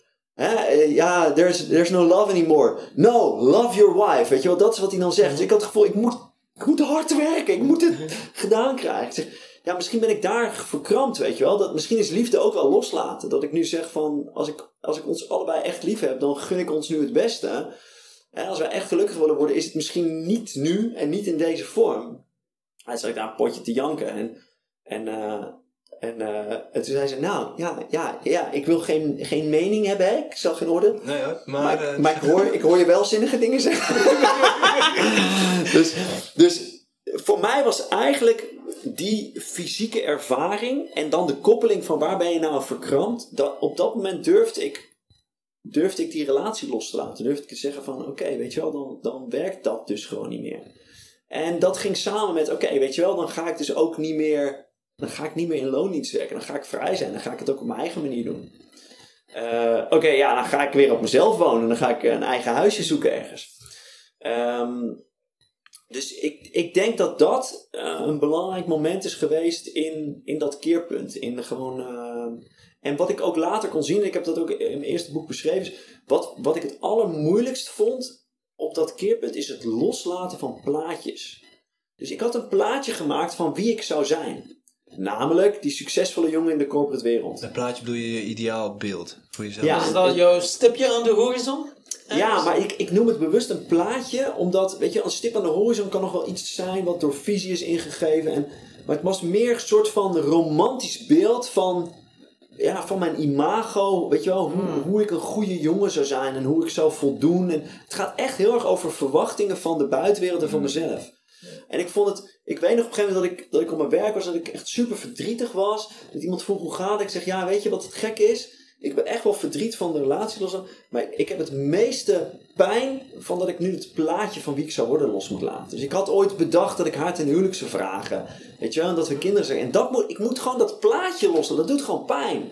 En, en ook op carrièrevlak. Ik weet nog heel goed dat ik tegenover een vriend van me stond. Die ik vertelde. En ik was eigenlijk best wel enthousiast over. Van, nou, ik ga dus voor mezelf beginnen en dit doen. Hij zegt, gast, maar ik snap het niet. Waarom zou je dat doen? In, mijn hoofd zou jij de nieuwe CEO van ASML worden. Want daar was ik toen een opdracht aan doen. Weet je, hij had ook een plaatje van mij gevormd. En, ik was, ik kwam, ik had net een stapje gezet om mijn eigen plaatje los te laten. En dan drukte hij even op. Weet je wel, van waar, doe het! Het plaatje! Vergeet het plaatje niet! Nou, super lastig. Maar wel heel, heel waardevol om dat een keer mee te maken. Weet je, ja, het zijn maar plaatjes. En, en, en plaatjes zijn niet altijd uh, iets wat met, met, met jouw authentieke ik te maken heeft. Met wie je, ja, wie je echt wil zijn. En nogmaals, wie je echt wil zijn. Hè, de nuance, maar, maar op waardeniveau bijvoorbeeld, uh, ja, kan dat nog wel eens stroken. Dus ik denk dat dat, uh, het is niet alles, maar de belangrijkste beschrijving van, uh, En misschien nog om, om aan toe te voegen, wat ook echt in die periode geholpen heeft, is Dus dat verdiepen in een beetje die wazige dingen, maar wel on my terms. Dus ik ben gewoon primair een rationeel wezen. En, en dus ik heb gedurfd om dat soort dingen te verkennen. Uh, transformational breathing, mindfulness. Ik ben naar een of andere fucking holistic pulsing uh, Ayahuasca? workshop. Ayahuasca? Oh man, ja, dat is van de afgelopen jaren. Als je dat, als je dat ook wilt trekken, dan. eh, dan- Ja, ik heb er ook eens al een ceremonie dat- of eh, vijf, zes achter de rug. Ja, dat is... man. Ja, nou, ik weet niet of we daarover moeten gaan hebben. Dat mag hoor, dat wil ik best doen, maar dan, dan, heb je wel, dan ben ik wel weer een half uur. Ja, de podcast zit erop en we zijn nu verder, dus eh, we stoppen ermee. Ja, dankjewel. Nee, maar om, om, om dit af te ronden, dus. Ehm, ik heb de mazzel gehad dat ik een coach had die super nuchter was. En toen zij zei, Mark, zou mindfulness niet wat voor jou zijn? Toen dacht ik aan de ene kant van, oeh, weet je wel, dat... Ik Dat randje, ik? Dat is op het randje. Da- toen, toen was dat op het randje, want ik was die ingenieur, weet je wel. Ik heb gewoon een IR-titel. Ik ben, ik ben eh, getraind in met het brein, weet je, alles cerebraal, cognitief eh, aanvliegen. Dus om dan zoiets met je gevoel en eh, nou, ik wist helemaal niet wat het was, maar het klonk hem. Maar ik dacht wel, als jij het zegt, nou dan ga ik dat verkennen, want je bent echt super nuchtere vrouw. Fijn. En toen trof ik een mindfulness trainster die ook ingenieur was, die ook uit de corporate wereld kwam. Ze had een burn-out gehad en zei, eh, fuck it, ik ga het anders doen. Wow, dit mindfulness is vet. Eh, dat, eh, dat ga ik, daar ga ik mensen in trainen. Dus, en zij kon gewoon heel goed, ze haalde gewoon wetenschappelijk onderzoek erbij aan. Ze zei van nou, dit is wat er in je lichaam gebeurt als je stress hebt. Dit is hoe meditatie stress reducerend kan werken. Deze hormonen spelen, dus cortisol, dus adrenaline. Dit gebeurt in je bloedspiegel. Zo lang moet je ongeveer mediteren voordat het gebeurt. Je hebt deze vorm van meditatie. En je dacht, wow, leuk! Ja, ja, dat is dan de keerzijde. Hè? Want veel mensen denken, hoe mediteren is zweverig. Maar dat is precies, dat is precies wat mij zo boeit aan, aan, aan mindfulness. Ja. Ja, Hoe laat je dan stemmetjes bij? Want je hebt nogal een vlotte babbel, hè? kunnen we toch wel stellen. en, wat, en wat, was je, wat zei je nou? Eh, hoe kan je dat stemmetje doen zwijgen in je, in je hoofd? Want ja, mediteren is toch het stemmetje... Ja. Ja. ja, dit is wel een terechte observatie. Het is ook best wel lastig. Was me nog niet opgevallen. Nou, maar, maar dus, eh, maar ik heb best wel een, een, een, een, een spirituele moeder. En dus zij, heeft, zij heeft al, riep al veel langer van eh, meditatie zou misschien wat voor je zijn. Maar ja, ik heb natuurlijk als ingenieur volledig tegen verzet, weet je wel. Van ja, flikker op met al die zwevige crap. Ik, eh, maar, maar mijn argumentatie is altijd, ja, maar het is zo druk in mijn hoofd, dat gaat toch niet werken. Ik ga, weet je wel, er gebeurt hier de hele tijd van alles. Ik ga echt niet dan, nee, dat moet ik gewoon niet doen. Maar nu zie ik in dat ik, ik heb het, is ik, juist om die reden heb ik het gewoon heel hard nodig. Dus ik, ik denk niet dat meditatie een wondermiddel is voor iedereen. Ik denk dat iedereen er potentie wat aan heeft, maar dat het voor de ene persoon nog meer van belang is of nog meer toevoegt dan voor de ander. En in, in mijn specifieke geval is het nou gewoon zo dat, dat, dat eh, ik heel makkelijk in mijn hoofd kan zitten, heel makkelijk kan afdwalen. En meditatie brengt me gewoon steeds, ja, heel zweverig, maar het is wel waar. Dus daarom zeg ik, naar dat nu. Dus gewoon naar dit moment. Naar luisteren, naar adem. Ja, zweverig, maar aardser kan het eigenlijk niet zijn. Hè? Ja. Nee, dat is het ook weer. Het is, het is heel aards. Maar ja, voor, voor, voor mensen Voor die erop staan dat ze nuchter zijn, die vinden het ook zweverig als jij zegt het is heel aards. Oh ja, dat is waar. Dat vergeten. Ja. En wat, heeft het jou gebracht? Meditatie? Ja? Ja, heel veel. Ehm, ehm, vooral eh, denk ik ehm, lichaamsbewustzijn. Dus, en daarmee eh, veel meer emotionele intelligentie. Dus door veel, vooral vanuit de Vipassana-traditie, maar ook wel gewoon vanuit de mindfulness, eh, veel met eh, bodyscan of bodyscan-achtige meditaties bezig te zijn, heb ik veel meer eh, verbinding tussen eh, hoofd en lichaam gekregen. Eh, dus eh, in een bodyscan ga je gewoon met je aandacht je hele lichaam af. Van boven naar beneden en van beneden weer naar boven. En dat kan eh, eh, met grote stukken als nu je voeten eh, en nu eh, je benen eh, kan het zijn. Dat is hoe het in de mindfulness is. In de Vipassana is het echt met, soms echt met mini-stukjes. Dus gebiedjes van een paar centimeter waar je zo hop, hop, hop er langs loopt. En dat dan 14 uur per dag. Tien dagen tien lang. dagen lang. ik heb het meermaals gedaan. Ik heb drie van dat soort tiendaagse retreats gedaan. En, en dat heeft me wel echt geholpen om, om meer te gaan, gewoon op mijn lijf, meer te gaan voelen. En emoties, die uiten zich altijd op het lijf.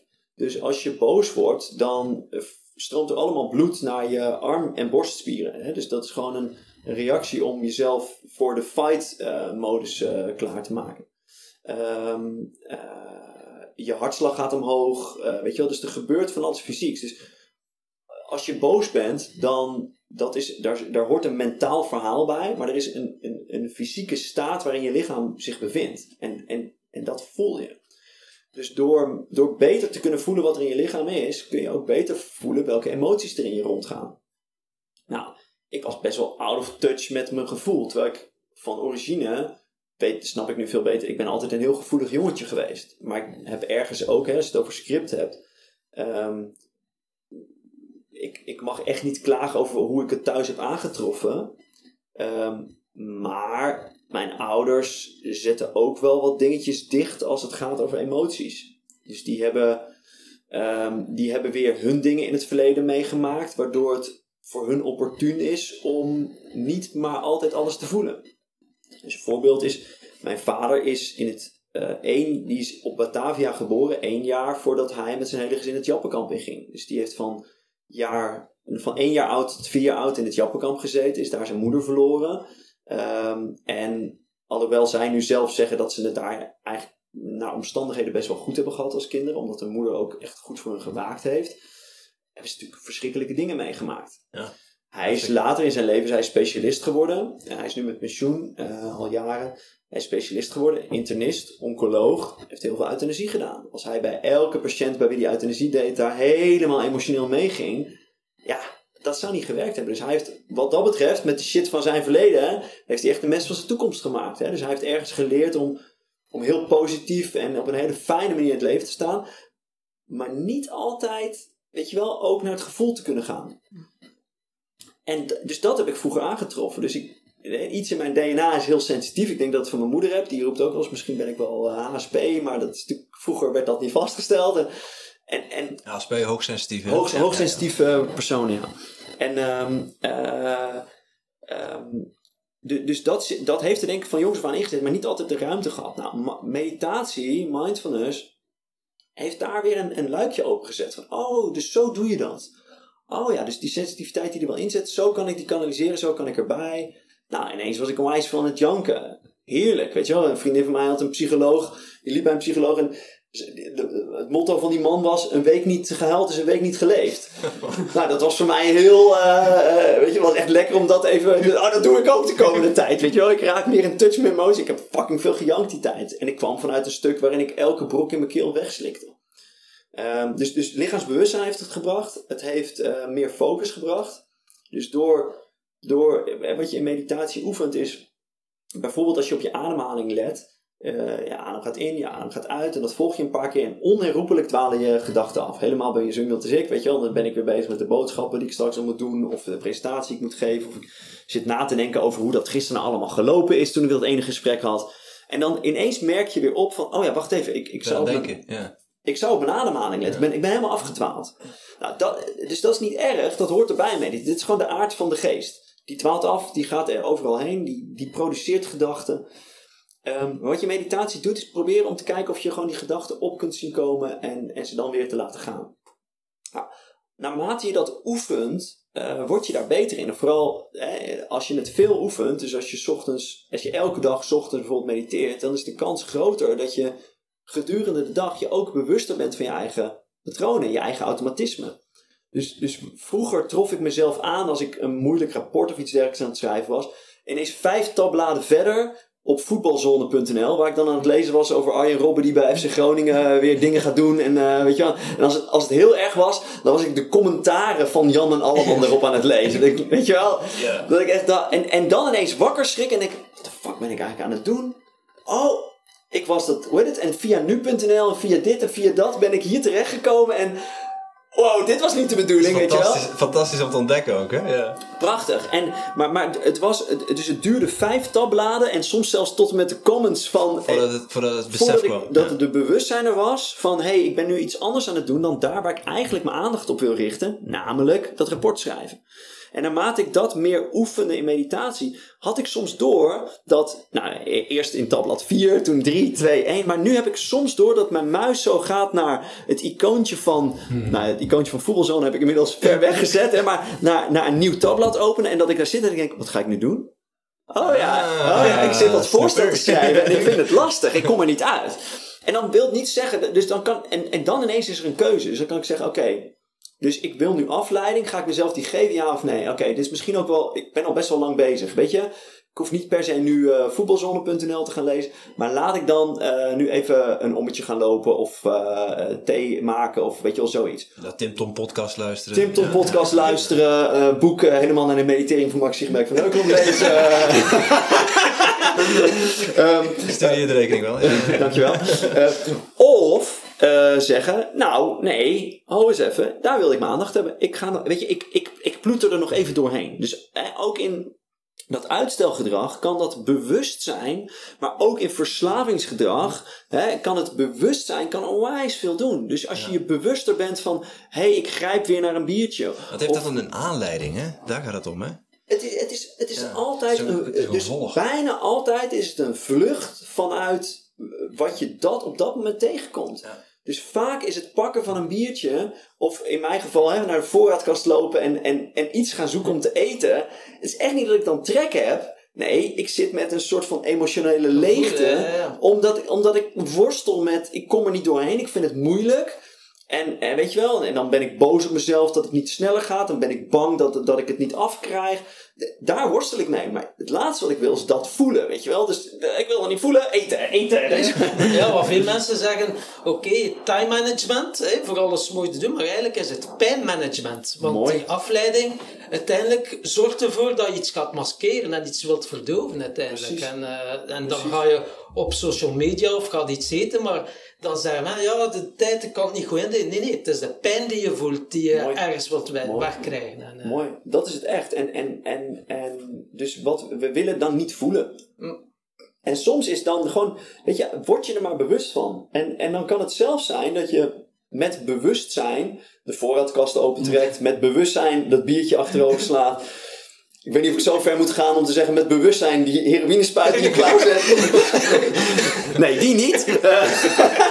die zou ik niet aanraden. Um, maar maar ik, ik, jullie kennen Jan Geurts, uh, denk ik wel. Ja. ja.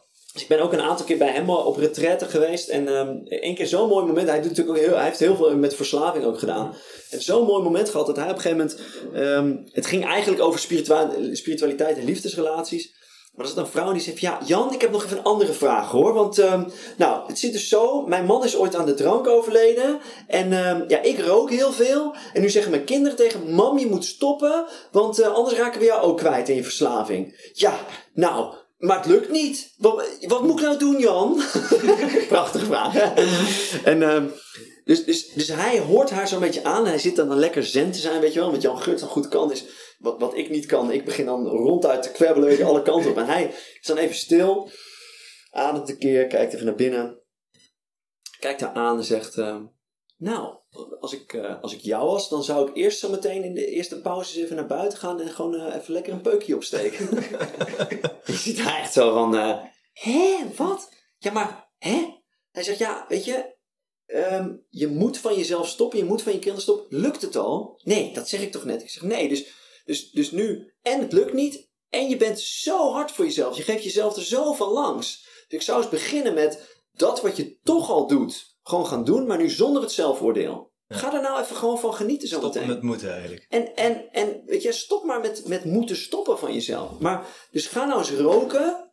Doe het maar gewoon de komende tijd. Maar ga je er bewust van worden dat je het doet. En ga je er dan misschien, misschien, het hoeft niet hè, maar misschien word je er dan ook van bewust op wat voor momenten je dat doet.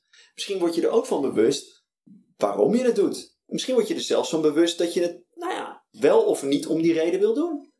En dus ga maar kijken. Nou, prachtig, weet je wel. En, en, dus, dus ik geloof dat, dat meditatie op zo'n manier eh, voor. Dus nogmaals, het is niet een wondermiddel. Hè? Het is niet dat je elke verslaving kunt oplossen met meditatie. Of elk uitstelgedrag kan oplossen met meditatie. Je kunt je wel net wat bewuster worden van wat, wat doe ik nou eigenlijk. En, en, en ja, dat is een superbelangrijke ingang. En voor mensen, onze luisteraars die nu getriggerd zijn, ja, ik wil ook beginnen mediteren. Ja, buiten dan ze je boek moeten kopen natuurlijk, heb je al wat concrete tips? Of kan je al een tipje van de sluier lichten en zo van, kijk, dan kan je best zo beginnen. Begin je met één minuut of vijf minuten of... Uh... Goeie vraag. Ja, het, hangt er ook wel echt vanaf um, wat je wil. Ik, ik denk dat het als je, laat ik het zo zeggen, als je meditatie echt een kans wil geven, dan denk ik dat het beste werkt dat je um, uh, met niet dat je niet te lange meditaties gaat doen. Dus dat kan al vijf, vijf is wel kort, maar dat kan hoor. Maar ik zou eens beginnen met 10 minuten. Ehm, en, maar dat wel je daar echt een tijdje op committeert. Dus ga het dan wel elke dag doen en een wat langere periode. En als je naar de MBSR eh, mindfulness opleidingen kijkt, daar doen ze het echt. Dus daar committeer je op acht weken lang drie kwartier per dag met, met meditatie of yoga bezig zijn. Dat is wel En- hoor. Dat is, dat is heel veel, maar het is ook heel effectief. Hè, dus omdat. Ja, als, je, ehm, als, je, als je dat vlammetje groter wil maken, dan zou dat een mooie, een mooie optie Nou, zijn. weet je, het is vooral omdat je eh, er pas goed over kunt oordelen als je ook iets van de vruchten ervan hebt gehad. Ja, en, het dat- duurt wel even. hè. en natuurlijk zijn er wel effecten van vijf minuten. Dus ik heb echt wel eens dat ik in een, dat ik in een trainingssetting, men, hè, vooral niets verboedende mensen, ineens zeg: Nou, en nu gaan we even mediteren. En dan zie je een paar mensen. Maar ik heb echt wel eens gehad dat, dat iemand erna toe, tegen, naar me toe kwam en die zei... eh, gast, ik, eh, ik had het echt nog nooit gedaan. maar Het is gewoon, het is gewoon drugs, man. Het is gewoon drugs. Het is echt... eh, had ik tien minuutjes laten mediteren. Maar die, die, ja, die, die, die had het gewoon nog nooit meegemaakt. Die, die had echt een of andere eh, ervaring dat hij dacht... Wow, dit moet ik vaker doen. Dat visioenen. Ja. Dus, dus soms gebeurt dat. Maar in heel veel gevallen... Weet je wel, komen de echte vruchten ook na wat langere beoefening. Ehm, het is niet zo, weet je wel, het is niet zo dat je twee jaar moet beoefenen en dan pas er wat van ziet. Dus weet je wel, als je het eh, 30 dagen doet, zo, je zou op zijn minst iets moeten merken. Als dat niet zo is, dan ben je waarschijnlijk niet goed aan het mediteren of, of is er iets anders aan de hand. Niet goed aan het mediteren. Hoe mediteer je goed? Nou, je mediteert goed als je, als je op zijn minst ehm, eh, dat doet wat, eh, dus wat meditatie beoogt. Ehm, dus als je, dus je mediteert niet goed als je bijvoorbeeld 10 minuten op een stoel gaat zitten nadenken. Dus, dus als je bijvoorbeeld niet weet dat het dan de bedoeling is om op, eh, één object te focussen, bijvoorbeeld je ademhaling te volgen. Dus ik heb wel eens iemand gezegd, oh ik mediteer ook wel eens. Ga ik gewoon op de stoel zitten en dan ga ik gewoon eens even goed nadenken over waar ik nou sta in mijn leven. Ik zeg ja, dat is, weet je, dat is ook heel waardevol, dus blijf dat doen, maar het is geen meditatie. Nee, het In- traint dan niet die concentratiespieren. het traint niet de concentratiespier. eh, en, en meditatie kan dus verschillende dingen doen. Dus het, het, het, het, het helpt ook niet in lichaamsbewustzijn, want je blijft maar in dat hoofd rondmalen. Ehm, het helpt niet, niet in bewustzijn van gedachten. Dus het is niet een. Hè, dus meditatie. eh, hoe meditatie met gedachten omgaat, is net zoals het volgen van ademhaling of het luisteren naar geluid. Dat je ook probeert een stap, en dit is wel lastig hoor, dus doe dit niet als allereerste. Maar als je op een gegeven moment wat beoefend hebt met bijvoorbeeld ademhaling, dan kun je kijken of je ook ehm, eh, gedachten kunt gaan observeren. En na een tijdje kan het lukken. En het is heel mooi om te ervaren dat je dan ineens ziet van, wow, waar komt dit vandaan, weet je wel? De toeschouwer worden van je gedachten. Bijvoorbeeld met die tabblaadjes. Ja. Precies dat. En, en, en, en dat- maar er, ja, er komen, weet je wel, Ja. nou, het zijn die tabbladen, maar dan, dan alsof iemand voor jou be- bepaalt wat daarop komt ineens, weet je wel. Alsof er gewoon sites ineens worden opengezet. Echt. En vooral tijdens die tien dagen, echt de, de crap die aan mijn geest voorbij vloog, weet je wel. Als ik, als ik zou geloven in vorige levens, dan zou ik soms het idee hebben gehad van, volgens mij zat ik, eh, ben, ben ik ooit Chinees geweest. Want het tafereel dat ik net in mijn ogen zag voltrekken, eh, waar komt dat vandaan? Nou ja, geen idee. Het zal, ik zal een film ooit hebben gezien of zo. Maar, is, maar dat is wat, wat de hersenen doen. Dat, dat, dat ervaren van, eh, van de effecten van meditatie hoef je niet altijd bewust zelf in de gaten te hebben. Tenminste, dat, dat had ik. Nee. Ik merkte wel dat ik, eh, dat ik er rustiger van werd. Maar vooral de reacties uit mijn directe omgeving eh, gaven mij het inzicht van... Oké, dit heeft echt wel, Mooi. echt wel Mooi. effect. Dat, weet je, dat, dat hoor je ook veel. Dat de, en ik heb het ook als van mensen terug gehad. zeiden, ik vind het soms echt fijn om bij jou te zijn, want er is zoveel rust. Ja, dat zou ik nu niet zeggen. Dat was een ander leven. hè? ja. Nee, nou ja, nee, mijn, mijn practice is ook wel wat afgeslankt de laatste tijden. Dus ik, ik heb periodes gehad dat ik echt elke ochtend een uur en elke avond een uur mediteerde. Nu is dat een kwartier per dag ongeveer, soms 20 minuten. Soms doe ik nog wel een vipassana van een, van een kwartier of drie. Iets van drie kwartier. Maar, ehm, nee, maar, maar dus het is een hele mooie. Dus soms merkt je omgeving het aan je. Ehm, de ene keer zullen ze dat expliciet maken, de andere keer ja, merk je het aan de, de, de, de relatie dat er. eh Het is een beetje zoals uh, Stephen Covey het heeft over die stimulus en de respons. Dus het zelfbewustzijn. Ja. Ga je sneller in die ruimte Mooi. ga je zitten. Want als je de triggers krijgt, ga je er kunnen naar kijken. En daar Ja. ervaar ik het nu ook. eh, ben nu een klein jaar elke dag aan het mediteren. En nu begin ik dat te ervaren. Er wordt iets getriggerd. oh, ik voel een emotie. Ah, oké, er is een emotie. En Mooi. dat is wel eh, super om dat op die manier te kunnen ervaren. Ja, en, en het is ook echt leuk dat je, dat je Covey aanhaalt. Hè? Want hij, hij beschrijft het in de Seven Habits. eh, onder onder Ja. habit 1, be proactive. eh, heeft hij het over circle of influence en concern. En hij heeft het over gapping. Dus er is een, je, hebt Ja. een, je hebt een stimulus. En de meeste mensen hebben daar een automatische respons Ja. op. Hè? Dus ehm, eh, ik heb dorst, ik ga water drinken. Ik roep maar wat. Ehm, Zit eh, je, zit je nou mijn gedachten te lezen? Vertel. En ehm, ehm, eh, dus wat hij zegt is de, de kunst in het leven om meer proactive te worden, is om een, om een gap te creëren tussen stimulus en respons. Maar hij, dus heel mooi hè, hij legt nergens in het boek uit hoe je het doet. Dus het is van, eh, nou, eh, succes ermee. dus ik heb eh, bijvoorbeeld in helemaal naar de meditering, heb ik dat ook opgenomen. Genomen, van eigenlijk is meditatie de tool die, die Covey vergat te noemen. Dus de meditatie is op die manier ook echt een, een, een leiderschapstool. Dus een goede leider, of nou leider van jezelf of van een organisatie bent, die is in staat om, om niet op alles te reageren. Om, hè, dat, dat niet alles direct reactief is. Er komt dit en ik doe dat. Dus jij zegt en ik word boos. Hè, maar een goede leider die kan iets horen, merken in zichzelf, hey, ik word er boos van. En dan besluiten, oké, wil, ik, wil ik mijn boosheid uiten? Doe ik dat met agressie? Of ga ik beschrijven dat ik boos ben? Hou ik het even voor mezelf en ga ik met compassie kijken naar die ander? Eh, hè, met empathie, waar komt hij of zij vandaan? Hè, dat, dat is echt een leiderschapskwaliteit. Maar daarvoor moet je kunnen cappen. En dan moet je het dus door kunnen hebben. Oh jee, boosheid in mezelf. Bij Remco Klaassen zou het zijn de rode bloemkool. De zeker? rode bloemkool, prezies. Ja, ja, ja dus eh, die heeft het over de, de amygdala. Ja. eh, het hersengebiedje Ja, ja. waar al die emoties zo rondgaan. En dat heeft een, een bloemkoolvorm. Dus zodra je boos wordt, wordt dat ding rood en gaat hij, weet je wel. Ah! Nou, dat doorhebben, ehm ja, dat is super waardevol. En, en, en ik geloof dat meditatie daarbij helpt. En, ehm, en een laatste die me nog te binnen schiet is...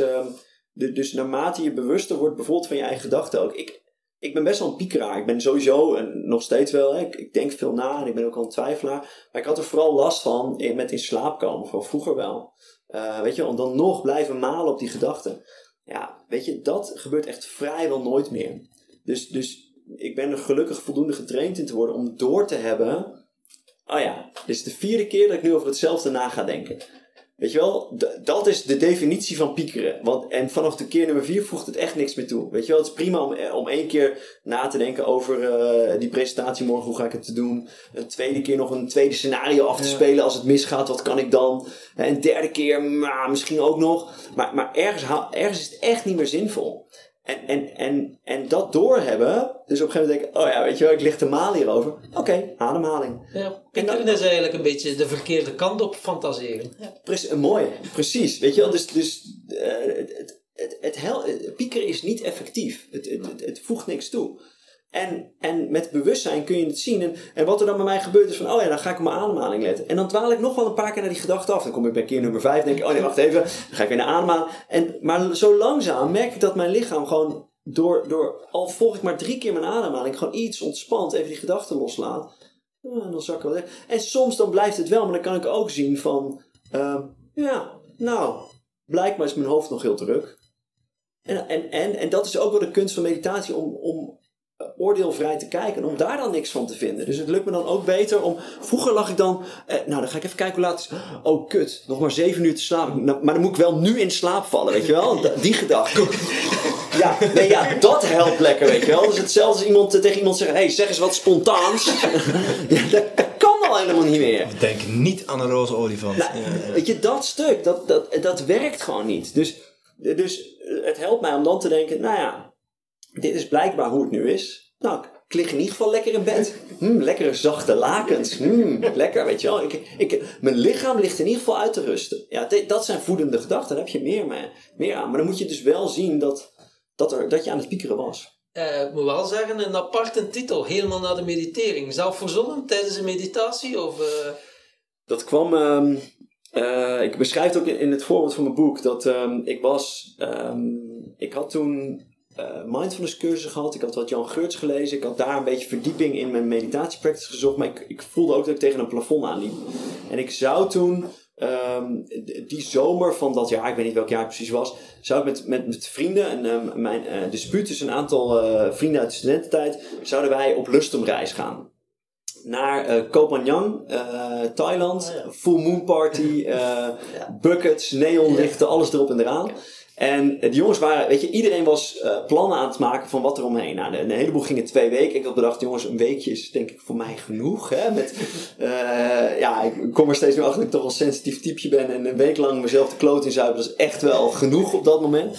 Eh, anderen gingen met, met, met vriendinnen nog een week eraan vastplakken, dat soort dingen. En ik dacht, ja, nou ja, dat was toen mijn relatie net uit was. Ik dacht, ik wil verder die meditatie in. Dus ik heb toen een Vipassana gezocht, zo'n tiendaagse retraite. Die prachtig mooi aansloot. Moest ik iets dieper het, het binnenland van Thailand in om, om een Vipassana retraite te gaan doen. Maar dan zat ik daar met allemaal studenten die, weet je wel, of, of eh, netwerkenden, die ja, gewoon, die daar helemaal niks van af wisten. Die, eh, hun wereld bestond uit feestjes, hey, eh, een beetje tof doen in de, in de corporate wereld en noem maar op. En, ehm, eh, en ja, toen kwam ik met mijn verhaal, ja, ik ga dus eh op Vipassana.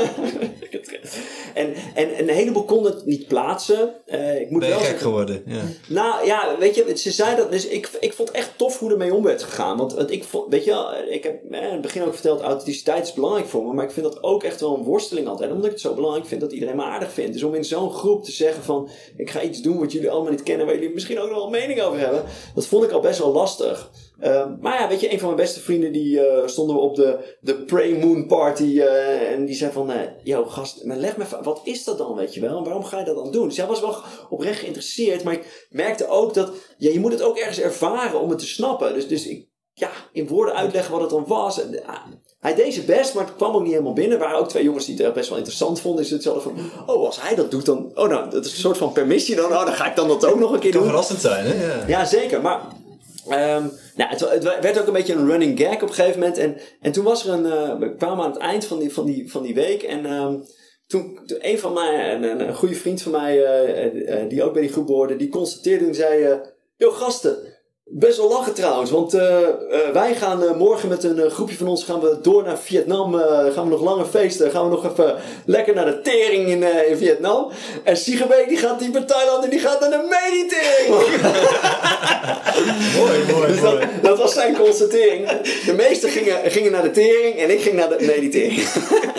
en, ehm, en toen merkte ik dat dat door het op die manier te framen, dat iedereen dat lachen vond en ah, weet je wel. En toen dacht ja, toen, toen ik op een gegeven moment bezig was van, ah, ik wil misschien ook wel een boek schrijven over meditatie, dacht ik helemaal naar de meditering. Weet je, Ah, dat moet het zijn. Dat is gewoon, ja, dat is een hip jasje voor iets wat helaas nog steeds een zweverige connotatie heeft, wat, wat niet hoeft, maar het is nou eenmaal zo. Laat ik dan eens kijken of ik dat, nou ja, hè, iets minder zweverig neer kan zetten. Dus daar, daar komt hij vandaan. Ik invalshoek. ken het verhaal, wat ook had het bij Thijs ook verteld. Dat ik dacht van Ja. ja, dat is leuk Dat is een goed verhaal, hè? ja. ja, ik moet wel zeggen dat de eerste twee dagen in die uh, retraite waren wel pittig. Want eh, de buckets schieden nog door mijn lichaam. En de neonlichten die schoten nog voor mijn ogen langs. Maar, eh, Ik dacht de eerste twee dagen van, eh, van het feestvieren, die zijn ook meestal ook... eh ja, ja, ja. eh, zit je er net lekker in? Ja, maar de buckets in Thailand inderdaad de emmertjes, hè? ja, de emmertjes Ja, ja, ja, met, ja, eh, ja, met ja, mixdrank. ja, eh, ja. ja, ja, ja. Ja, inderdaad. ja.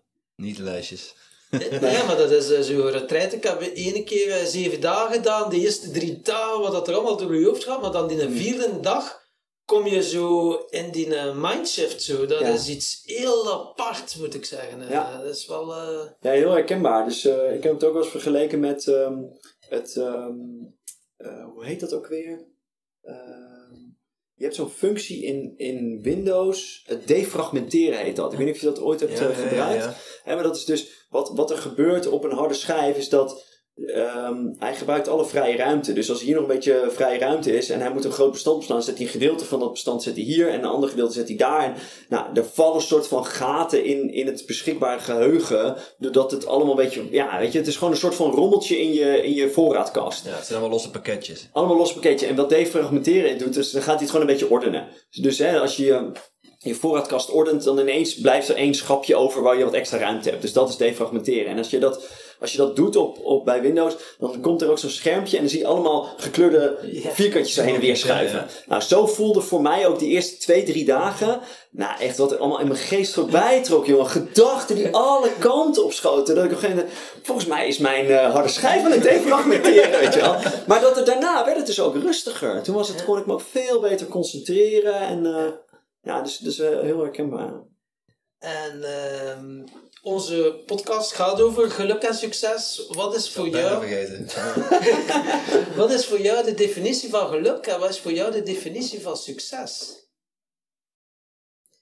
La- laat ik anders met, ehm, met succes beginnen. Dus ik denk dat. Ik denk dat, dat succes is. er, er is natuurlijk een, een, een soort van. eh, er is nog steeds een, een, een drive in mij om een soort van maatschappelijk succesvol te zijn. Dus, dus dat is hoe ik niet denk dat succes zou moeten zijn, maar waarvan ik wel merk dat ik er ook gevoelig voor ben. En dat gaat over. eh, Weet je wel, dat je toffe dingen op je LinkedIn of op je social media kan delen. Dat je cool bent, dat je heel toffe boeken schrijft en heel veel van verkoopt. En, en dus, dus die. En, en, wat de hoop natuurlijk die eronder zit, is dat de mensen van me zullen houden. En dus die drive is er nog steeds. Wat ik denk, eh, wat denk ik veel mooiere definitie van succes is en, en ehm, eh, veel duurzamer, veel meer gaat brengen, is dat je aan het eind van je leven op je sterfbed terug kunt kijken en kunt zeggen, ja, weet je, ik, ja, ik heb er gewoon echt nergens spijt van. Ik ben eh, de mooiste versie van mezelf geweest. Hey, ik, ik ben geweest wie ik in potentie kon zijn.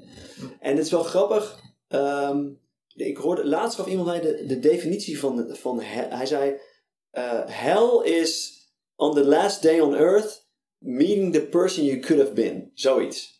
Eh, weet je wel, dus dat is het tegenovergestelde van. Dat je dan denkt, oh, weet je wel, als ik beter naar mezelf had geluisterd, eh, beter voor de mensen om me heen was geweest, had ik een veel mooier iemand kunnen zijn. Dus nou, een beetje een negatief iets, maar ik vond het wel een, een grappige manier van kijken. Maar dus de positieve variant, ik denk succes is dat je, ehm, ja, dat je, hè, de, de, de- je hebt, ehm, hoe heet zij, Ehm, ehm, die Australische verpleegster met de top 5 regrets of the dying, misschien wel eens voorbij zien komen.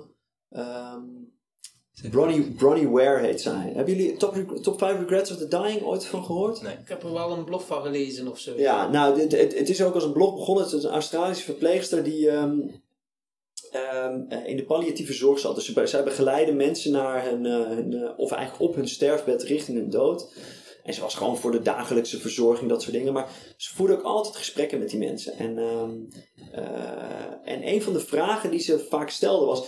Ja, je bent nu aan het eind van je leven. Heb je, ja, als ik mag vragen, heb je eigenlijk nog ergens spijt van?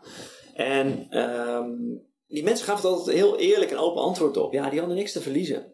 En, en zij hield een, een blog bij, gewoon voor zichzelf. Die lazen vrienden, familie. Dat was niet een groot ding of zo. Ehm, maar op een dag dacht ze van, ja, ik doe dit werk nu al 20, 30 jaar. Ik heb die vraag zo vaak gesteld. Ik, het is geen wetenschappelijk onderzoek, maar ik heb voor mezelf echt een heel helder beeld van wat nou de top 5 regrets of the dying zijn. De top 5 punten van spijt aan het eind van iemands leven. Dus zij schreef dat op.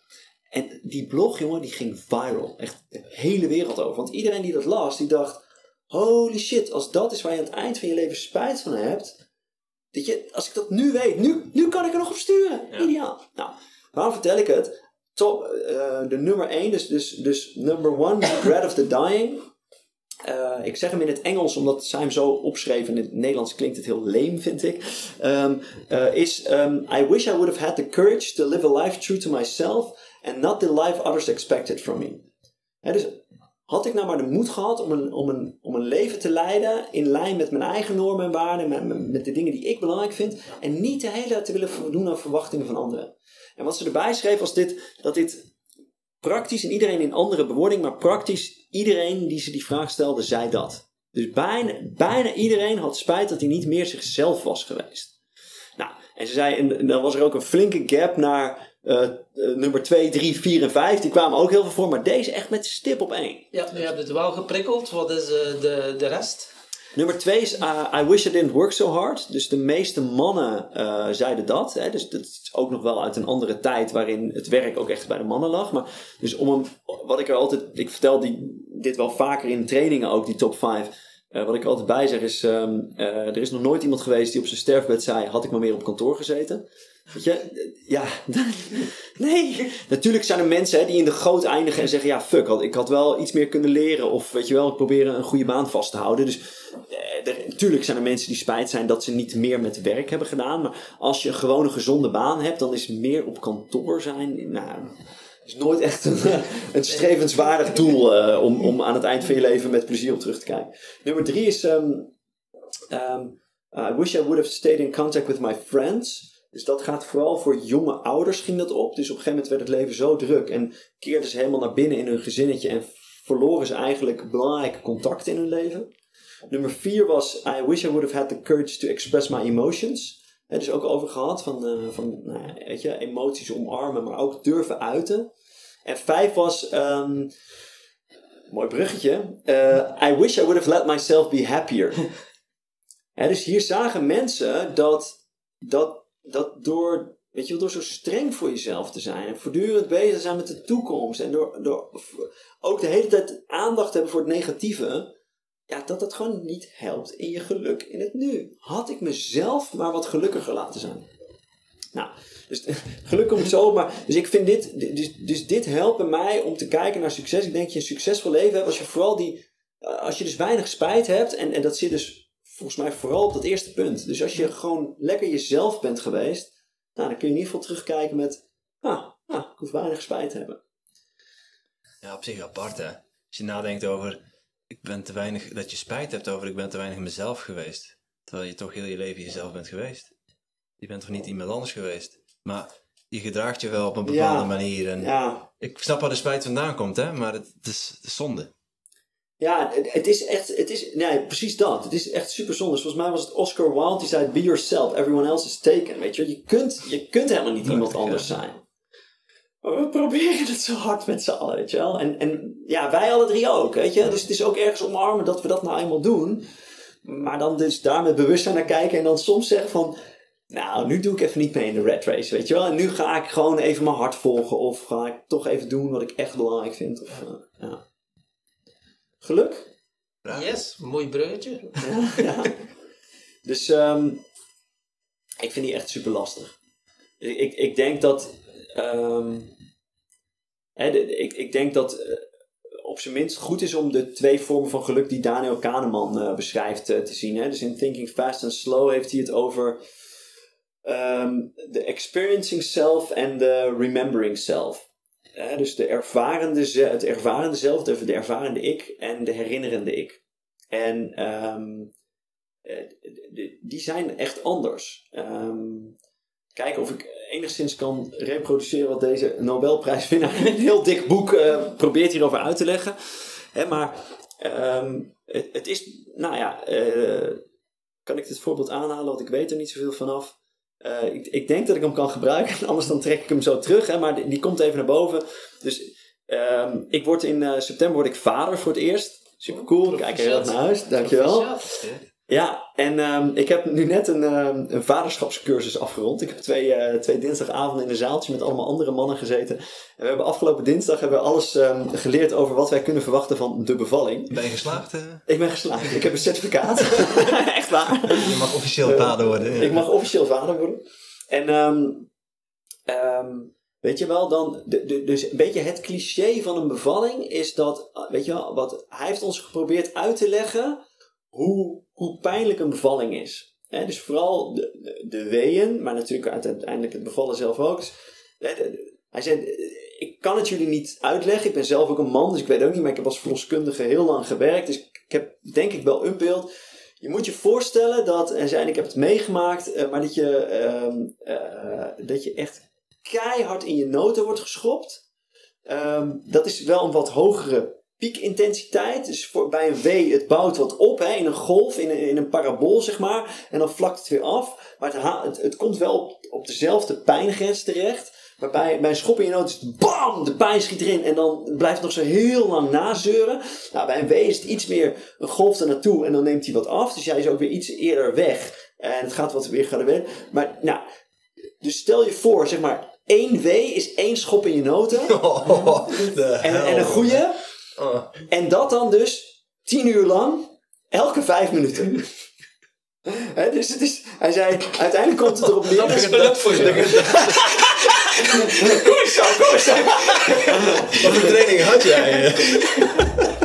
Dit was ons om ons als mannen wat empathischer te maken naar wat die vrouw zo meteen mee gaat maken. En bij mij in ieder geval heeft het in zich geholpen. En toen zei hij, ja, kijk, je kunt, je kunt het ook anders bekijken. Hè? Dus hij zegt, ik wil het nog, ik, ga het voor jullie nog wat relativeren. Maar dat moet je niet tegen je vrouw zeggen. Kijk, het, duurt tien uur, maar als je dus doorrekent, hè, want het is dan één minuut wee, dan vier minuten niks. Dus uiteindelijk is het, hè, uiteindelijk is het acht minuten niks en maar twee uur pijn. zeg dat niet tegen je vrouw. Ik zeg, sorry hoor, maar ik vind het niet heel relativerend. Acht, weet je, twee uur lang in je noten geschopt worden. ja, dat is gewoon echt super pijnlijk. Voor een nieuw boek bij jou. Helemaal naar de bevalling. Ja. ja. Nou, daar waag ik me niet aan. Dat, dat, dat mag een vrouw dan schrijven. Maar um, waarom vertel ik het? Omdat um, dus wat je heel vaak hoort over, over een bevalling is dat het uh, weet je wel, echt, nou ja, we hebben er nu met, met de analogie van je noten geschopt worden wel iets meer gevoel bij. Het is gewoon super pijnlijk het proces. Maar wat hoor je ook veel? Zodra dat kind er is, dan, dan een vrouw vergeet bijna direct wat ze allemaal heeft meegemaakt. Dus ik weet het niet, ik spreek niet uit het waar. Dat er vrouwen zijn die wel bevallen zijn. Ik, ik roep maar even wat ik zo, zo hier en daar hoor. Um, um, maar dan, dan vergeet je hoe pijnlijk het was. Nou, um, er zijn twee zelven dan aan het werk, zegt Kahneman. Dus de experiencing self is dus op het moment dat je een wee hebt of dat je in je noten geschopt wordt, weet je, dat, je hebt superveel pijn. Dan ben je echt niet gelukkig. En dat is, dat is echt niet cool. Dus ergens willen we dat kosten wat kost voorkomen. Maar ga even eh, 24 uur vooruit Misschien moet je er twee weken van maken. Ik weet niet helemaal wat de termijn is waarin een vrouw de pijn van de bevalling vergeet. En, en helemaal in de oxytocine-stroom opgaat um, in dat kind. En, en, weet je, zich zielsgelukkig voelt met, met de baby. Maar, maar op dat moment, dan is er de, de, de remembering self. dus dan komt een narratief over, ja, het was wel vervelend, maar moet je kijken wat ik nu heb. Ja, dan komt toch goud, ja, het was het allemaal waard. En um, en dan vergeet je eigenlijk, dan vergeet je eigenlijk dat er zoveel pijn was.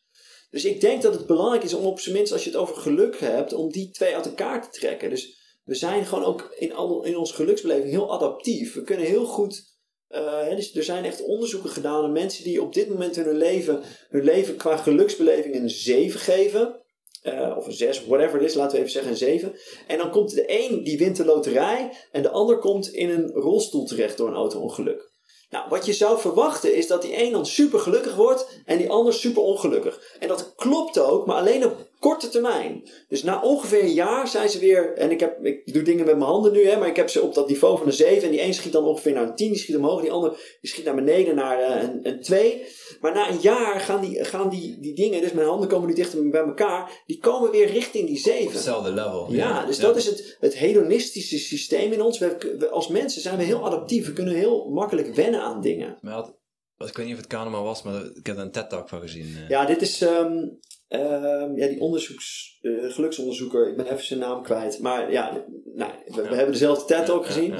Um, weet je, dus, dus dit is hoe de mens werkt. Dus ik denk dat het op zijn minst belangrijk is om, om van die beide te weten dat ze er zijn. En dat sommige mensen zijn heel goed in, um, in, in steeds in het moment maar bijten, omdat ze dan een mooi verhaal kunnen vertellen. En, en ja, hun experiencing self is dan misschien niet altijd even gelukkig, maar hun remembering self wel. Um, uh, en andere mensen die kunnen heel erg in het nu zijn, maar die zijn misschien niet zo trots op het verhaal wat ze er dan over kunnen vertellen. Nou, ik denk dat ze allebei aandacht verdienen. Um, en, en, en, allebei, en allebei doen ze wat met je geluksbeleving. Um, dus ik denk dat ik dit ook vertel omdat ik het gewoon een, een heel moeilijke vind. Ik, ik, meestal gebruik ik gewoon, dus als ik in mijn coaching naar kijk, dan vraag ik mensen gewoon eigenlijk heel simpel van 1 tot 10. Weet je wel, als je nu je hele leven een cijfer zou moeten geven, waar kom je dan ongeveer terecht? En ga ik het maar gewoon heel associatief. Dus dan doe ik denk ik aanspraak op die remembering self. Van weet je wel, hoe, nou misschien wel een beetje beide. Hoe voel je je nu samen met, um, ja, wat, wat, weet je wel, verhaal hoort erbij, hoe, hoe herinner je het? Um, maar het is wel goed om te zien dat er meer, nou, meer lagen in zitten. Ja, uiteindelijk, we hebben allemaal een verzameling van ervaringen en wij maken er een selectie van. Ja. En dat bepaalt ook wel voor een deel je geluksniveau. Ja. Als je zegt, ik heb een slechte jeugd gehad, dan heb je een selectie gemaakt van uh, minder leuke ervaringen. Maar je, je hebt tienduizenden ervaringen. Dus als jij dan een selectie maakt van de leuke momenten, zeg je, ja, ik heb een goede jeugd gehad. En, Mooi. En, en um, uh, dus, dus als je kijkt naar wat geluksonderzoekers uh, tegenkomen en wat maakt nou gelukkig, en dan kom je in bijvoorbeeld in die DOM, dat DOM kom je terecht. Maar je hebt ook veel lijstjes van uh, die geluksonderzoekers. Uh, Sonja Lyubomirsky heeft ook veel onderzoek gedaan. Uh, zij is van de 40-50-10 regel. Ik weet niet of je die voorbij hebt horen komen. Dat is uh, eh, 50% van je geluk is genetisch bepaald. Heb je gewoon geen bal over te zeggen. Dat is gewoon, hè, dus mensen die aanleg hebben om depressief te worden. Uh, ja, die kunnen daar echt niks aan te doen. Dat zit gewoon in de genen. En andere mensen die super blije ouders hebben, hebben een grote kans om zelf ook hè, blij, gelukkig in het leven te staan. Uh, 40% of 10% komt door omstandigheden. Dus dat is die rolstoel en, en die loterij, weet je wel, wat er, wat er je overkomt. Maar 40% is hoe je kijkt. Hoe je kijkt, hoe je denkt. Dus, dus daarin kun je of je aandacht richten op al die vervelende jeugd, al die dingen die vervelend waren, of op de dingen die er wel kloppen. Dus op die manier komt ook in elk lijstje van geluksonderzoekers komt actieve dankbaarheid. De, beoefening, de actieve beoefening van dankbaarheid komt voorbij. Dus gewoon stilstaan bij wat heb ik wel, maakt veel gelukkiger dan uh, wat moet ik nog doen en wanneer ben ik wel een goede ondernemer, welke stappen moet ik nog zetten en uh, oh ja, als ik een relatie heb ben ik wel gelukkig. En, dus, dus door te gaan naar, nou, ik ben vrij, weet je wel, ik, kan de datingmarkt op, dat is eigenlijk best wel leuk. Of nou, ik heb een hele leuke baan, of weet je wel, of soms zelfs echt hele triviale dingen. Dus, dus Tony Robbins is ook heel erg van het ga, weet je, elke ochtend ga drie keer één minuut dankbaar voor iets zijn. Ik heb het een tijdje lang gedaan. Dan zat ik s ochtends op mijn stoel zei ik, oké, nu ga ik dankbaar voor iets zijn. Wat zal ik eens nemen? Een stoel. Oh ja, vet. Ik zit op een stoel. Dus eigenlijk best wel cool, weet je wel. Dus ooit iemand die heeft bedacht, laten we een stoel bouwen. Dan hoef je niet de hele tijd te staan. En toen is er iemand geweest die heeft deze specifieke stoel ontworpen. Hij zit best wel lekker, weet je wel. Er zit een kussentje op en... Uh, en toen zijn er mensen geweest die hebben dat gebouwd. Ergens in een fabriek of zo. Dus ineens was ik bezig met iedereen die, die een steek had gehad in de totstandkoming van die stoel. En hoe chill het is dat ik er nu op zit. En dat ik überhaupt een stoel heb. Dat er mensen zijn die geen stoelen hebben. Het duurde een minuut en ik merkte... Oh! Weet je? En dat, dat zoiets, kan... Zoiets, zoiets normaals eigenlijk. Ja. Zoiets triviaals. Dus um, uh, helemaal eens. De, de, dus misschien, misschien heb je wel meer aan weet je wel, uh, dingen die je helpen om geluk. Ik denk dat we allemaal een idee hebben bij wat geluk ongeveer is. En dat het ook iets anders is dan, dan maatschappelijk succes. Hè, wat, wat we dan denken dat uh, we moeten behalen. En dat er gewoon best wel wat dingetjes zijn die je kunt doen om gelukkiger te worden. Een beetje een aaneenschakeling van geluksmomentjes. Je kan niet blijvend in een staat van geluk verkeren uiteindelijk. Nee. Nee, en, en wat ik ook een hele. Oh ja, dus, dus om dan toch nog een definitie te geven. Dus wat ik in mijn mindfulness cursus op een gegeven moment leerde was het zinnetje: misschien is geluk wel blij zijn op de blije momenten en verdrietig op de verdrietige momenten.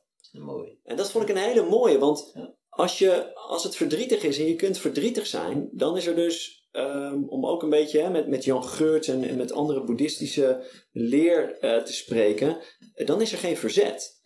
Dus we, vaak lijden we nog het meest. Dus, dus ergens is geluk ook de, de absentie van lijden misschien wel. Hè? We lijden vaak vooral aan het verzet tegen, een, tegen wat er is. Dus of je nou verzet tegen een druk hoofd, of verzet tegen verdriet, of verzet tegen angst. Een dictator. Verzet, nou ja, misschien. Ja, ja oké, okay, die vind ik lastig. De, de, de, dictator in je geest, hè, dat stemmetje. Dat, um, de, weet je, dus dan, dan lijden we voornamelijk aan het verzet. Dus als je blij bent als, als er blijdschap is, en als je verdrietig kunt zijn als er verdriet is, nou, dan heb je in ieder geval geen last van het lijden. En dan kan het nog steeds wel lastig zijn om met het verdriet te zijn, of met de angst, of met de boosheid. Maar. Je bent een vrij energiek persoon. Heb jij een ochtendroutine? Dat je zoiets hebt van: oké, om in die peak state te staan, uh, dan moet ik wel die ochtendroutine of doe ik wel die handeling. Ik neem elke ochtend een podcast met mensen op en dan uh, kom ik helemaal. en, na, en na de podcast begin je avondeten. Nee, um, nee, ja, ik vind het, weet je, dus, dus je ziet het ook van, ik vind het gewoon heerlijk om, om over dit soort onderwerpen te kletsen, weet je wel. En ik heb gewoon heel veel emoties. Dus voor mij is het, ik vind dat heel fijn, maar ik, ik heb wel een ochtendroutine. Dus, uh, weet je, ik ben, ik ben ook, ik heb echt een grote introverte kant. Als ik te lang onder de mensen ben, dan moet ik echt even op mezelf zijn. Dus ik, ik heb dan ook vanochtend een heel rustige ochtend wat het heeft gehad. Dus ik ben om 7 uur opgestaan, eerst gedoucht, uh, koud. koud. ik heb vanochtend koud gedoucht. Dus in de, in de zomer douche ik meestal koud. uh, in de winter douche ik alleen koud af. Maar vanochtend was het gewoon, ik heb mezelf aangekeken en dacht, ja, het is, helemaal niet, het, is helemaal, het is warm genoeg. Kom op, Siegenbeek. nou, ja. En het, het, bespaart heel veel uh, gas en water. Dus ook oh, de duurzaamheidsprincipes. Ja, dus ja, ik word er wakker van. En nou, dit was, het was een win-win vanochtend. Het scheelt heel veel tijd, anders sta ik er veel te lang onder. Toen ben ik gaan mediteren. Dus ik heb vanochtend een kwartier gemediteerd. Um, en toen heb ik best wel... Ik, ik vind het ook echt heel fijn om uitgebreid te ontbijten. Dus, um, en ik heb een, een, een, regel voor mezelf. Dat is de, de drie dagen regel. Dat op uh, dag 1 eet ik ontbijt A. Op dag 2 ontbijt ik, eet ik ontbijt B. En op dag 3 ontbijt ik uh, ontbijt C. En dan op dag 4 mag ik A weer. En wat zijn ABC? Dat is voor mij is dat sojayoghurt. Ik ben, uh, ik, ja, misschien zullen mensen dat van vinden, maar ik eet veganistisch. Dus ik uh, uh, doe alleen maar plantaardige dingen. Dus dat... Mogen ze wel van vinden. Prima. Ja, ja, ja. ja ik, ik, ik, ik, wil mensen... ik wil daar niet te activistisch in zitten, laat ik het zo zeggen. Ik doe dat voor mezelf en iedereen moet lekker zelf weten wat hij doet. Alhoewel ik wel denk dat we iets mogen doen om klimaatverandering tegen te gaan. Um, daarover later meer. Um, dus dat is sojayoghurt. Um, B is havermoutpap. En C, dat was vanochtend, is... en dat zal voor sommige mensen een beetje raar zijn, maar dat zijn linzen met veganistische worstjes en uh, spinazie en paprika. Dus dan, dan, ja, dan bak, dan wok ik eigenlijk echt een gerecht voor mezelf. Dus dan flikker je wat dingen in een pan, lekker met wat kruiden erdoor. Um, en uh, ja, dat duurt zo lang. Dan, ben ik, dan sta ik een, 10 minuten in de keuken en ben ik uh, misschien wel 20 minuten aan het, aan het eten. Met een uitgeperst citroentje er altijd bij. En, um, en dan lees ik er wat bij. Dus dat vind ik heel lekker. Dan heb ik al gemediteerd. Ik, vroeger moest ik dan voor mezelf mindful eten. Nou, ik werd er doodongelukkig van. Nu zit ik gewoon lekker te lezen. Dus kou op je eten tot er geen smaak meer in zit. Ja, bewust. Ja, misschien zou het heel goed voor me zijn. Maar het, ik, ja, het lukt gewoon niet. Ik, ik houd er niet in. Dus, uh, nee, maar dan, en dan lees ik wat. Dus ik zit nu in Alain de Botton wat te lezen over de liefde. Prachtig. En, um, en dan, dan ben ik eigenlijk, ja, dan, eh, dan heb ik goed voor mezelf gezorgd. En dan, uh, dan duik ik achter mijn laptop. Of ik ga naar afspraken voor de. Ja. Klinkt mooi. Klinkt relaxed. Ja, ik vind, ja, en dat is voor mij dus vooral als ik drukke... Ik heb best wel drukke dagen gehad de afgelopen tijd. Dan, dan, dat helpt mij echt om... Hè, dus wat, ik, wat er nu ook bij mij gebeurt, omdat ik dan zo enthousiast ben over alle dingen, waar ben ik ook super hoog in mijn energie. Ja, weet je, ik krijg daar zo meteen ook wel een klap van. Hè? Dus ik krijg je energie van, maar het kost ook wat. Dus voor mij is het heel belangrijk om voortdurend ja. te, in te spannen, een beetje stress en dan weer te ontspannen. Dus ik kan ook, ik kan heel, ik kan hele groepen enthousiasmeren en weet je wel, en dan kan ik een hele dag voorstaan. Dan moet ik wel even goed voor mezelf zorgen, s ochtends en s avonds en, en ook de dag daarna. Uh, en ik vind dat denk ik ook, voor mij werkt dat heel goed. Dus ik, ik mag graag een beetje die pieken en, en dalen hebben. Dan, dan voel ik dat ik leef. Uh, ja, dat vind ik lekker. Ja, ja heerlijk. Ik kijk even naar de klok. Het is uh, na 12 uur. We zijn echt al een uur en drie kwartier bezig. Ja, heerlijk. Uh, records gebroken. dat was ook mijn doel, hè? Snap De tijd vliegt. Maar jij, jij, jij hebt straks nog afspraak. Ik weet niet of je nog even wil, wil doorgaan of... Um, nee, laten we, laten we er maar een eind aan breien. Ja, dan, het is wel een mooie, dan past voor mij het beter. Ja. ja. ik denk dat het goed is. Dan zijn we weer vertrokken voor een uur. Want, ja, want we kunnen het nog... Uh, we, we kunnen nog één ding te doen, uh, Mark. Ja. En uh, dat is dat jij een vraag moet stellen voor onze volgende gast. Ja. Um, um, ja, komt nu bij mij. En, en dat, daar denk ik aan omdat ik ineens dacht van waar zouden we het nog allemaal over kunnen hebben. Toen dacht ik, oh, ik heb nog mooie online courses die gaan over uh, allemaal coole onderwerpen. Heel slim. En ik, uh, ja, en daar hoeven we verder niet uh, diep in te duiken. Maar, maar ik dacht ook aan de opmerking die jij nog over ayahuasca maakte. En toen dacht ik, oh ja. En ik ben in, ik ben in mijn ayahuasca, dat, ik zeg het kort en we gaan er niet induiken, maar ik ben heel veel angst tegengekomen. Dus toen zat ik ineens te denken, um, voor de volgende gast, wat is je diepste angst? Mooi. Hey, mooie vraag. Ben benieuwd. Ja. Als mensen meer over jou willen weten, ik heb, ik heb trouwens, dat kan ik ook best wel zeggen, ik heb een van jouw, uh, jouw cursussen gedaan. Ja. Over keuzes maken. Ja. En uh, uh, ik dacht dat ik daar redelijk, redelijke stappen in gezet had, moet ik eerlijk zeggen. Maar het heeft wel ik heb ze heel strikt gevolgd. En ik heb ook de tijd gegeven, mezelf de tijd gegeven om, om alles te laten inzinken en uh, implementeren. Dat is wel nodig. Ja. Dus je kunt er heel snel doorheen, maar dan heb je er weinig aan, denk ik. Nee. Het is echt geïnternaliseerd. Ja. En er zaten wel heel verrassende dingen in, moet ik zeggen. Mooi. Ja. Tof. Leuk dus, dat je dat gezegd. Ja. Leuke cursus. Ja, dus ik heb... en, en, je hebt er nog, je hebt er nog twee of drie, hè? Ja, nou, ik heb eigenlijk eh, echt twee, um, twee paradepaardjes. Dat is de, dus de, de, de, de course die jij gevolgd hebt, online course uh, keuzes maken en keuzes, keuzestress verslaan. Dus als je last hebt van keuzestress of als je het gewoon moeilijk vindt om keuzes te maken. Dus als je net als ik primair een twijfelaar bent, dan ja, het staat gewoon bomvol met tips en tricks om, om, om beter keuzes te maken. Maar er zit ook wat introspectie in. Van weet je wel, waar komt het bij mij nou vandaan? En, nou, ik merk dat veel mensen gewoon veel lichter en makkelijker door het leven gaan uh, na die course als ze daar moeite mee hebben. En ik heb een online course over personal finance. Dus die heet Bekostig je ideale levensstijl. Dus ik kom bij veel, uh, bij mezelf ben ik er tegengekomen, maar ook bij veel coachcliënten dat ze eigenlijk echt nul idee hebben van geld. Uh, van hoe ga je met je eigen geld om. Vooral hun relatie met geld hebben ze nul inzicht op. Dus mensen doen maar wat. En uh, de nadelen ervan zijn dat je gewoon een stuk minder vrij bent. Dus als je nou echt, hè, als je nou geen spijt wil hebben aan het eind van je leven, is het dus belangrijk dat je kunt, de, dingen kunt doen die voor jou leuk en belangrijk zijn. Um, en dat is wel handig als je, als je wat vrijheid hebt om, om daar beweging in te kunnen zetten. En geld is nou eenmaal een onderdeel van dit leven. Dus echt super nuttig om daar dingen over te leren. Dus ik heb echt uh, zelf gigantische stappen gezet toen ik ooit ging, ging leren over wat is nou mijn relatie met geld en aan welke knoppen kan ik draaien om uh, beter voor mezelf te zorgen. Ik ben van primair gewoon een spender. Weet je, alles ging eruit. En ik, ik leerde gewoon uh, de waarde van sparen en uh, beleggen, investeren, um, maar ook onderhandelen. allemaal dingen rondom geld, budgetteren, nou, noem maar op super waardevol. Dus, ja, dat is heel ehm, belangrijk als, ook. Ja, als, als, als er mensen zijn die daarmee uh, worstelen, of als je denkt, ja, maar ik weet er helemaal niks vanaf en ik vind het allemaal moeilijk. En nou, juist dan. Dus dan ben je, ik was een spender, ja. um, dan ben je waarschijnlijk een avoider. Want dan denk je van, uh, ja, ik wil het allemaal niet weten. Weet je, weet je, of, je dat, of je dat nou bij mij met een online course op een andere manier doet, maar, maar verdiep je in, in geld. Want weet je wel, geld is. Uh, je had zo'n mooie reclame in Nederland van de Triodos Bank.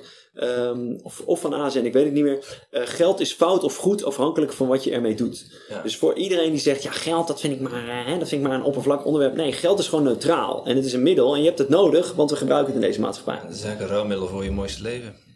Het is precies. Hè? En dus het is handig om jezelf financi om aan financiële educatie te doen. Hè? Net zoals dat we over allerlei andere dingen leren. Is het gewoon heel zinvol om, om daar wat dingen over te leren. Dus daar heb ik ook uh, met een collega, met Hugo, een uh, hele toffe course over gebouwd. Ja, heel goed. Dus uh, weet dat te vinden. Ja. Wow.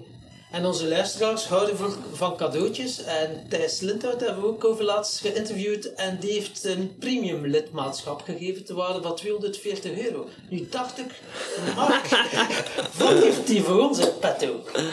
Nou ja, kijk, als je het zo brengt, dan ga ik natuurlijk. Uh, ik ik uh, ken Thijs wel. We gaan wel eens met elkaar een uh, hapje eten. Um, dus ik moet natuurlijk wel, als ik de volgende keer met hem aan tafel zit, kunnen zeggen dat ik hem getopt heb. Dus laten we het dan zo afspreken. Um, dan geef ik vier cadeautjes weg. Oh jee. Um, van beide boeken één exemplaar. en van beide courses één exemplaar. Wow. Dus um, uh, die boeken zijn maar 20 euro, maar mijn course, uh, kost ja, die ideale leefstijl, die is 347 en um, uh, keuzes maken, keuzestress verslaan 147. Dus wow. dan gooi ik dat er allemaal in en dan Thijs eat your heart out. Prachtig. Wow. Ja. Nou, dus, dit, daar gaan we onze ja. luisteraars wel blij mee maken. Ja, ja dus leuk om, om wat weg te geven en ja, laten we dat doen. Cool. Super gaaf. Um, tot slot, waar kunnen mensen meer over jou vinden, Mark? Ja, dus ik, um, uh, mijn bedrijf heet The Startup of Dreams. Dus dat is www.thestartupofdreams.nl. Um, en daar lees je eigenlijk alles over wat we doen. Uh, coaching, online courses, uh, spreken en workshops in het bedrijfsleven. daar ben ik allemaal voor te boeken en voor te porren. Um, ik vind me ook op LinkedIn. Um, uh, LinkedIn, volgens mij dan slash nl slash marksvh, zoiets. Hm. Uh, zoek me gewoon op, dan vind je me wel. Um, daar. Ja. Prima. Goed. Mooi. Dan zet het ook onder de show notes. En dan, Graag. Ja. Fijn. Leuk. Ik ja. wijs nu met mijn vingers naar beneden, dat heeft helemaal niet mee in de podcast. ja, die staat er in de camera. Dat je ooit de beelden nog gebruikt en dan... Ja. Super, dankjewel. Ja, cool. Oké, okay. Dank je. Alsjeblieft.